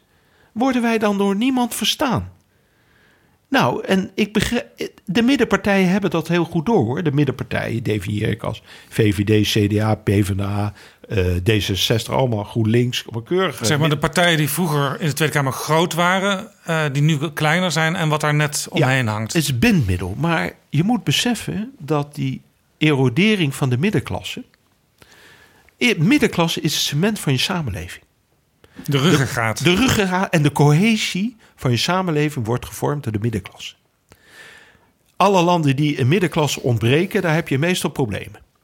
Die middenklasse is heel belangrijk. In Nederland hebben we altijd een hele sterke middenklasse gehad. En die middenklasse die, uh, is zeer ontevreden. Die gaat niet muiten. Die gaat niet misschien naar het Malieveld. Hoewel af en toe, hè, dat heb je nou maandag gezien. Alleen dan wordt, het, dan wordt het weer teruggeroepen. Maar die voelt zich niet gehoord.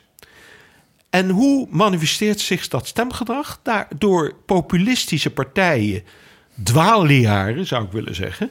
Dwaalleraren, hè? dat zijn Thierry Baudet en Geert Wilders. Die makkelijke oplossingen noemen, die geen oplossingen zijn. Dat zijn complexe problemen. Ja, en wat we misschien zelfs zien, de, de, de, de, de onderzoeken over stemmotivatie moeten natuurlijk nog komen naar aanleiding van de statenverkiezingen. Um, waar Wilders uh, waarschijnlijk toch een beetje de, de, de, onderkant en de onderkant van de middenklasse aansprak. Uh, zijn er nu ook bijvoorbeeld, ik denk ook aan uw universiteit, zelfs onder uw studenten, uh, mensen die op Thierry Baudet hebben gestemd? Het zou best. Op de partij van Thierry Baudet. Hij heeft uh, blauwe maandag zelfs bij ons nog gewerkt toen hij net gepromoveerd was. in Leiden. Bij, Samen met Paul Scheffer. Paul Scheffer, ja, ja, ja. Maar is heel snel weggegaan. Maar met andere woorden, ook de, wat vroeger werd, wel genoemd werd, de weldenkende klasse, blijkt niet ongevoelig voor profeten als Thierry Baudet. De man spreekt keurig Nederlands, ziet er beschaafd uit, speelt zelfs piano, houdt van lavendel. Ja, ik bedoel, het is een beschaafde man op zich, op het eerste gezicht. Alleen de dingen die hij zegt zijn wat minder beschaafd. Dus het is eigenlijk wat Wilders zeg maar, voor misschien de onderklasse formuleerde. Thierry Baudet die formuleert dat voor de lage middenklasse. En zit dus eigenlijk gewoon af te stoepen van VVD en CDA. Dat zijn ook de partijen die die ook altijd aanvallen. En je zou dus misschien, als je naar het grote beeld van Europa kijkt, kunnen, ja. kunnen vaststellen: het beleid van Draghi heeft in zekere zin positief gewerkt. Want de eurozone is niet uit elkaar gespat. Ja, zeker. Maar langzamerhand moet ook de ECB toch bedenken van wat wordt de volgende stap? Want die middenklasse moet wel bij het, de samenleving, bij de maatschappij betrokken blijven. Die moet wel het gevoel hebben: wij doen ertoe en wij worden niet als een soort quantité negligible beschouwd door Tuurlijk. politieke leiders. Tuurlijk. En dat is het gevolg natuurlijk van het gevoerde beleid. Waarin dus, uh, zeg maar, door het opkoopprogramma toch de spaarders gestraft worden en de schuldenaar beloond. En nou, toevallig zitten die spaarders vooral in noordelijke landen en de schuldenaar vooral in zuidelijke landen. Dat is dus een herverdeling tussen noordelijke en zuidelijke landen. Dat is dus in wezen wat ik zei: fiscal policy with monetary instruments. Ja. En dat kan en niet. Dat mag dat kan, eigenlijk niet. En dat kan ook niet eeuwig doorgaan. Nou, volgens het verdrag van Maastricht is dit dus eigenlijk verboden. Alleen nu komt het. Is het, Mario Draghi crimineel? Nee, helemaal niet. Hij, uh, hij zoekt de randen op. Hij zoekt de randen op van het verdrag van Maastricht. En dat is zo goed recht. Dat is zo goed recht. En het Europese Hof is hem daar ook nog bij ter wille. Want het Europese Hof, de advocaat-generaal, maar het Europese Hof zegt: ja, je mag interveneren, je mag dat opkoopprogramma doen, QE. Dus het is gelegitimeerd. Maar je mag, en dat is een hele vreemde redenering, je mag wel interveneren in de secundaire markt. Dus je mag obligatie opkopen bij banken en andere, hè, pensioenfondsen, noem maar op. Mag, zolang je de primaire markt niet beïnvloedt. De primaire markt is de uitgifte van Ja, staatsobligaties. dus in feite wordt hier nieuw Europees recht geschapen. Ja. ja. Eh, maar wat nu? Wat, wat, wat, wat moet Draghi of waarschijnlijk zijn opvolger... want Zijn opvolger dit, zal dit hele jaar doen. gaat dat systeem nog door. Ja, zijn opvolgers hadden. Nou, die Wat zal die toch. doen? Die moet afbouwen. Dat, kijk, het zijn twee dingen die moeten gaan gebeuren. Eh, net, kijk even naar de Federal Reserve System. Hoe die daarmee in zitten. Je moet eerst het opkoopprogramma afbouwen. Dat moet. Ik bedoel, er is geen reden om dat in 2020 nog te blijven continueren. En dan kun je pas in wezen de rente verhogen. Want als je het opkoopprogramma termineert eh, en de rente tegelijkertijd verhoogt, dan moet je heel veel verlies nemen op je eigen centrale bankbalans. Dan gaat de ECB dus heel veel eh, verliezen leiden. En die moeten ze weer door vertalen naar de nationale overheden, nationale centrale banken. Zullen ze niet doen. Dus ze zullen eerst het opkoopprogramma afbouwen. Alleen dat is nu verschoven van 2019 tot 2020. Ik vind dat te laat. Vind ik echt. Ik vind dat je dat veel eerder had moeten doen. En dan uiteindelijk de rente ook weer naar marktconforme rentes brengen. En dat geldt vooral voor de kapitaalmarktrente, want die is niet marktconform. La- Laten we dit dus als ehm, programma neerleggen voor de ECB... die aan het eind van het jaar, tegen het eind van het jaar aantreedt... onder leiding van de opvolger van Mario Draghi. Wie moet hem opvolgen? Ik zal een aantal namen noemen die je wel hoort al, al, al tijden. Jens Weidmann wordt natuurlijk wel genoemd. De, de, de Duitse bankpresident. Eh, daar wordt dan ook altijd meteen bij gezegd... ja, het is een strenge Duitser... dus de zuidelijke landen zullen dat misschien niet zo fijn vinden. Al heeft recent Giovanni Tria, de minister van Financiën van Italië, gezegd... de beslissing moet niet te veel afhangen van gebeurtenissen in het verleden. Dus misschien zou zelfs Jens Weidmann kunnen. Eh, een aantal mensen die nu al in dat bestuur zitten worden genoemd. Eh, ook natuurlijk bekende namen als Olly Rehn, de oud-eurocommissaris uit Finland wordt genoemd. Christine Lagarde van het IMF eh, wordt genoemd. Zou ook interessant zijn, hè, want er zit op dit moment eh, maar één vrouw in de directie van, eh, van de centrale bank. Sabine Lautenschläger is dat. Ja. Naam waar we eerder niet op konden komen. Ja. Ja, als een Duitser het niet kan worden, misschien wel. Dan zou je zeggen, dan kan onze eigen Klaas Knot het ook niet worden. Want ja, die is het meestal eens met de Duitse lijn. Ja, ja, en we hebben natuurlijk de eerste president van de ECB ooit geleverd. Dat, dat Wim Duisenberg. Maar dat is maar voor een korte periode geweest, voor vijf jaar. In, in de opstartfase. U kent al die mensen, hè? Ja. U kent al die potentiële kandidaten. Nou, ik heb wel één suggestie. Eh, en die is onconventioneel, als ik het zo mag zeggen. En dat is iemand die toch eh Palmers heeft, die er niet om liegen. Hij is minister van Financiën geweest. Hij is voorzitter van de Eurogroep geweest. Een hele goeie. En hij is nu eventjes eh, in de roerstand. En hij heeft ook op zijn palmarès staan dat hij in aflevering 2 van Betrouwbare Bronnen te gast dat, was. dat maakt het helemaal goed. Ik denk dat hij Jeroen Dijsselbloem heet. Jeroen Dijsselbloem. En dan zeggen mensen direct tegen mij: ja, maar hij was geen centrale bankpresident. Hij was minister van Financiën. Hij was wel voorzitter van de Eurogroep. Ik zeg, nou, dan zeg ik, die heeft zoveel te maken gehad met de bankunie. Met alle aspecten van monetair en budgetair beleid. En bovendien, wie is de vicepresident van de ECB ook alweer? Luis de Guindos. Dat is ook een minister van Financiën. Ja, en een Dus een Spanjaard. en een Spanjaard, de president. Dat iemand die minister van Financiën is, een succesvolle minister van Financiën trouwens, Douguindos, heeft veel opgeruimd bij de banken.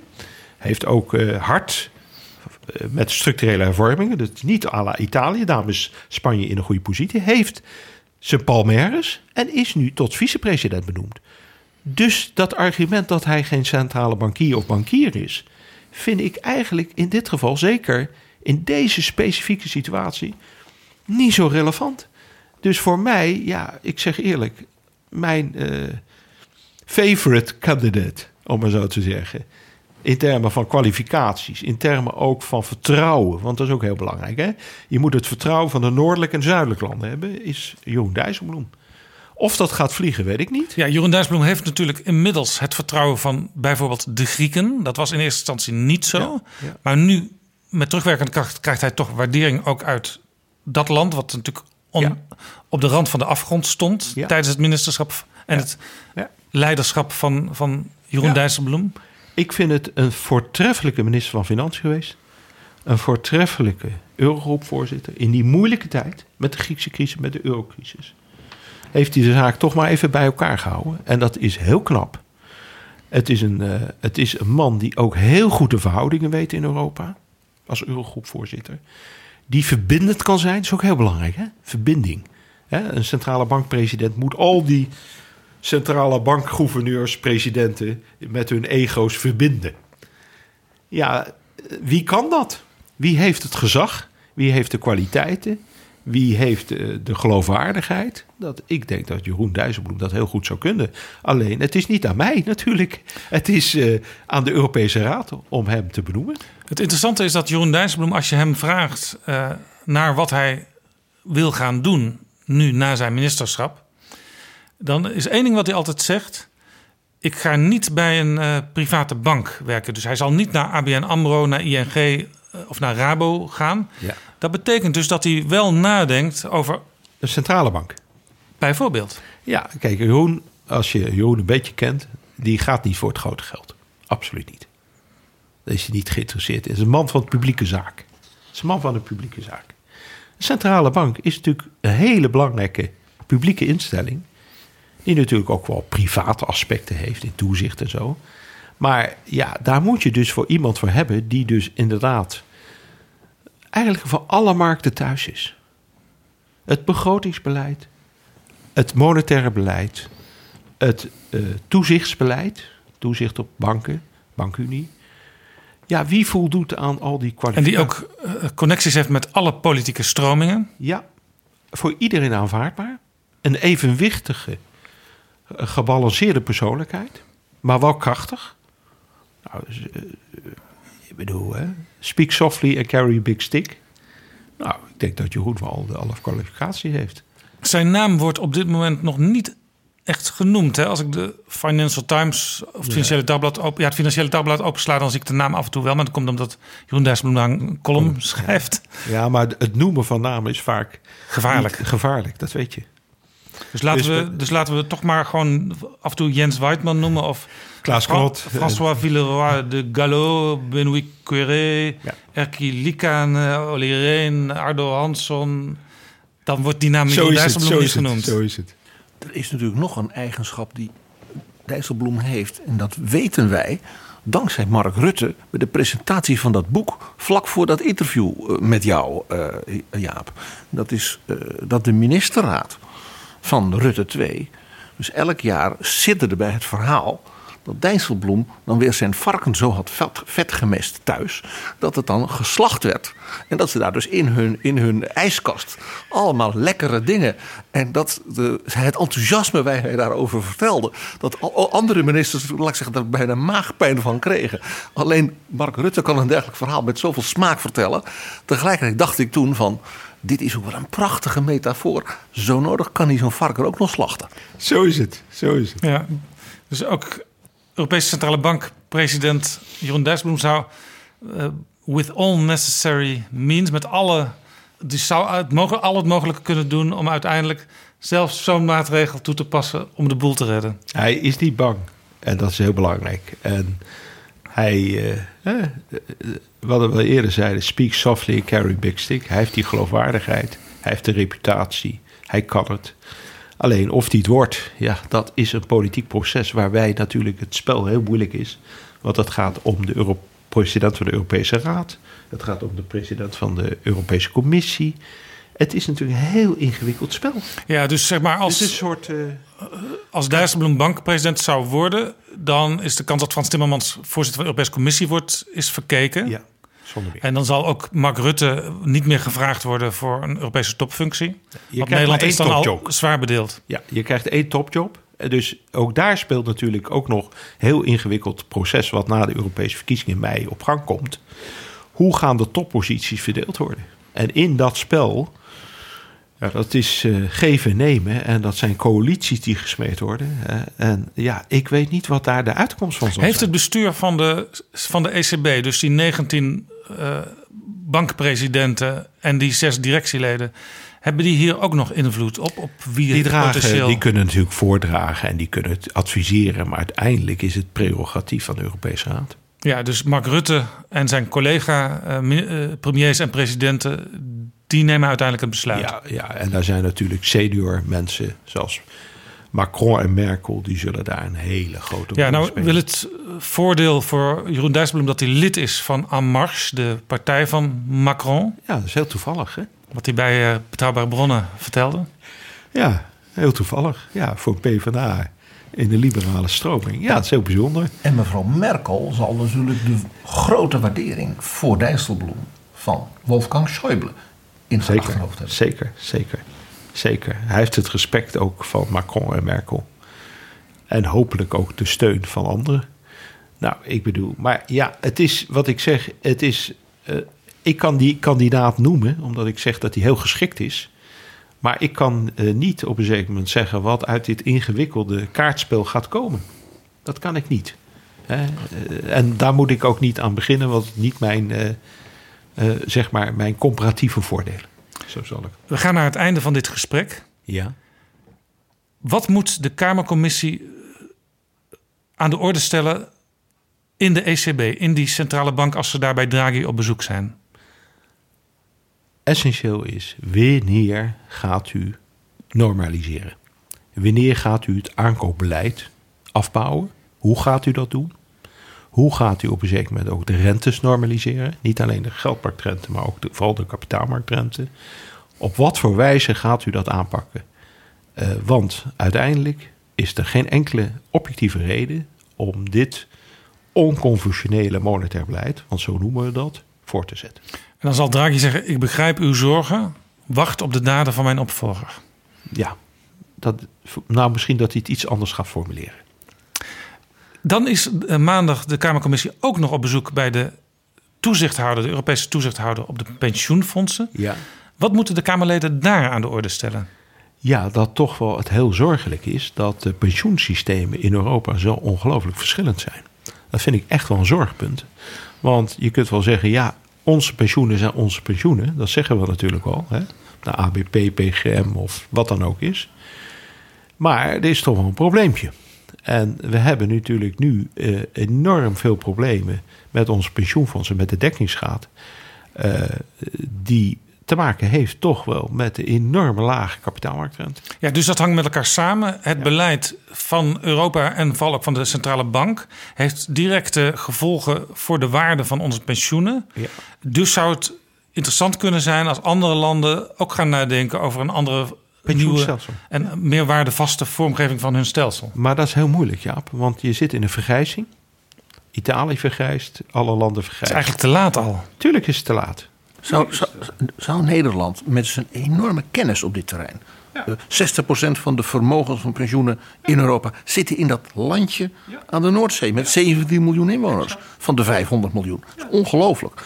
Zou dat Nederland dat niet gewoon een exportproduct van moeten maken? Van die know-how en zelfs van dat we zeggen: wij gaan voor bijvoorbeeld de Baltische landen zoiets helpen opzetten. We doen het met water, we doen het met ruimtevaart, we doen het met onze agrarische, we doen het met ASML, we doen het met high-tech. En waarom niet met pensioenen? PG, eh, omdat op dit moment we in een situatie zitten waarin landen te maken hebben met enorme vergrijzing. En uh, de budgettaire ruimte om van een omslagstelsel naar een kapitaaldekkingsstelsel te gaan, dus zeg maar dat gezonde stelsel wat wij hebben, is natuurlijk heel kostbaar. Het is gewoon heel kostbaar. Hè, kijk, het, precies wat Jaap zei, dat had je eigenlijk al in veel eerder stadium moeten doen. Maar stel je, dat had je in de rijken toen, het, toen de zon scheen. Dan repareer je je dak, hè? Zoals, en niet als het regent. Nou, en het gaat nu binnenkort waarschijnlijk een beetje regenen. We gaan toch een beetje de kant van de recessie. Dus het is niet het optimale moment, druk maar zachtjes uit, om nu je pensioenstelsels te gaan hervormen. Dus dat is eigenlijk al te laat. Maar het is wel een probleem. Want hoe moeten die pensioenen in een omslagstelsel in Italië, in Frankrijk, hoe moeten die opgebracht worden? Dat kunnen geen waardevaste nee. pensioenen zijn. Absoluut niet. En dat is wel een grote zorg, want hoe gaan we dat dan suppleren? Hoe gaan we dat dan oplossen? En dan zal er misschien een Europese oplossing, maar dat is natuurlijk ook een herverdelingsvraagstuk. Ja, en daar komt dan ook de Tweede Kamer weer om de hoek kijken, die natuurlijk bang is dat er uiteindelijk begeerig naar die Nederlandse fondsen zal worden gekeken. Yes, yes, yes. Pieter Omzicht zegt dat heel vaak. Pieter Omzicht is daar een pleitbezorger van om, dat, uh, om, daar op te waar, om daarvoor te Tweede Kamerlid CDA. Tweede Kamerlid CDA, die heel veel van pensioenen weet. Die waarschuwt er altijd na, tegen. En ik vind het dat het terecht doet. Want, maar ja, kijk, het, is natuurlijk, het zijn private contracten. Uh, die uh, gepensioneerden en toekomstige gepensioneerden hebben. Dus daar kan in wezen niet een greep in de kas plaatsvinden. Heeft in het verleden ooit wel eens plaatsgevonden, maar is eigenlijk niet uh, toegestaan. Maar dan heb je nog steeds problemen in die zuidelijke landen van hoe ga je de pensioenen financieren in bijvoorbeeld Italië. Nou, Dus dat zie ik toch wel als een probleempje. Dus de gedachte dat je als Nederlands je niet. Je bent dus een grootmacht in pensioenen in Europa. Ja, ja. Heel opmerkelijk. Heel opmerkelijk. Dat je je dan afsluit van de rest van Europa. Is dan op termijn ook niet verstandig. Nee, nee. Dat nee, je dit, dus dit- ga meedenken. Bedenk eventueel. Dat je zegt, ja, dat kost 30, 40 jaar. Ja. Net als met klimaat. En met zeker. energie. Maar dat je wel handel, handelingsfähig bent. Zoals de Duitsers dat zo mooi zeggen. Exact. Wij, wij beschouwen, eh, dat zei Mark Rutte, naast het klimaatakkoord, het pensioenakkoord als het tweede grote belangrijke, ja, hoe moet ik zeggen, eh, probleem voor dit kabinet om op te lossen. Maar als je dat. En daar heeft hij gelijk in. Maar de problemen voor de pensioenen in zuidelijke landen, die zijn nog veel groter. Ik weet niet of Martin van Rooyen op dit moment naar betrouwbare bronnen luistert, maar die krijgt een hartverzakking als hij hoort dat we de pensioenen meer door een Europese bril moeten gaan bekijken. Ja, dat eh, kan ik me indenken. Dat kan ik me indenken. Maar uiteindelijk zijn het natuurlijk... Het zijn private contracten. Dat is één. Dus dat is de eerste verdelingslinie. Alleen, ik weet niet of die verdelingslinie voldoende is. Alleen, ik zeg nu, die pensioenen zijn natuurlijk al in reële waarde aangetast. Gewoon puur vanwege het lage rentebeleid en het opkoopbeleid van de ECB. Na 2012. Wat heel lang doorgegaan is, nu tot nu toe eigenlijk zeg maar nog steeds van, van kracht is. En daarmee eh, worden die pensioenen toch ja, indirect eh, eh, geërodeerd. Kan niet anders. En met deze cliffhanger wil ik het gesprek afsluiten. Dit is overigens een opmerkelijk gesprek geweest in die zin. We hebben het over internationale financiën, over internationale politiek gehad. En de naam Donald Trump is niet gevallen. Dat is waar, ja. Ja, ja dat is heel opmerkelijk, ja. Nou, voor een andere keer. Sylvester Eifinger, die andere keer komt zeker een keer. Dank u wel voor dit gesprek. Graag gedaan. En ook PG, dank je wel dat je erbij was. Dank je, Jaap. Dank je wel, Sylvester. Dank je, PG.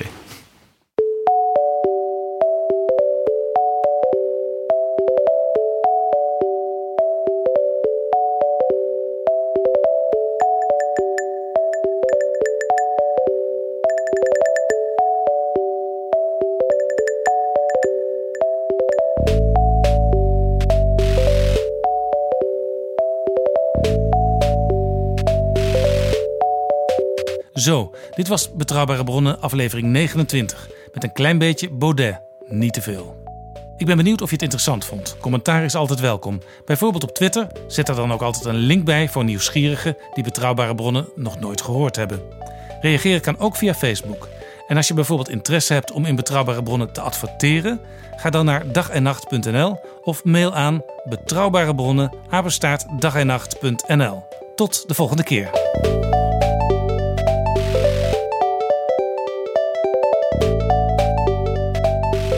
Betrouwbare bronnen wordt gemaakt door Jaap Jansen in samenwerking met dag en nacht.nl.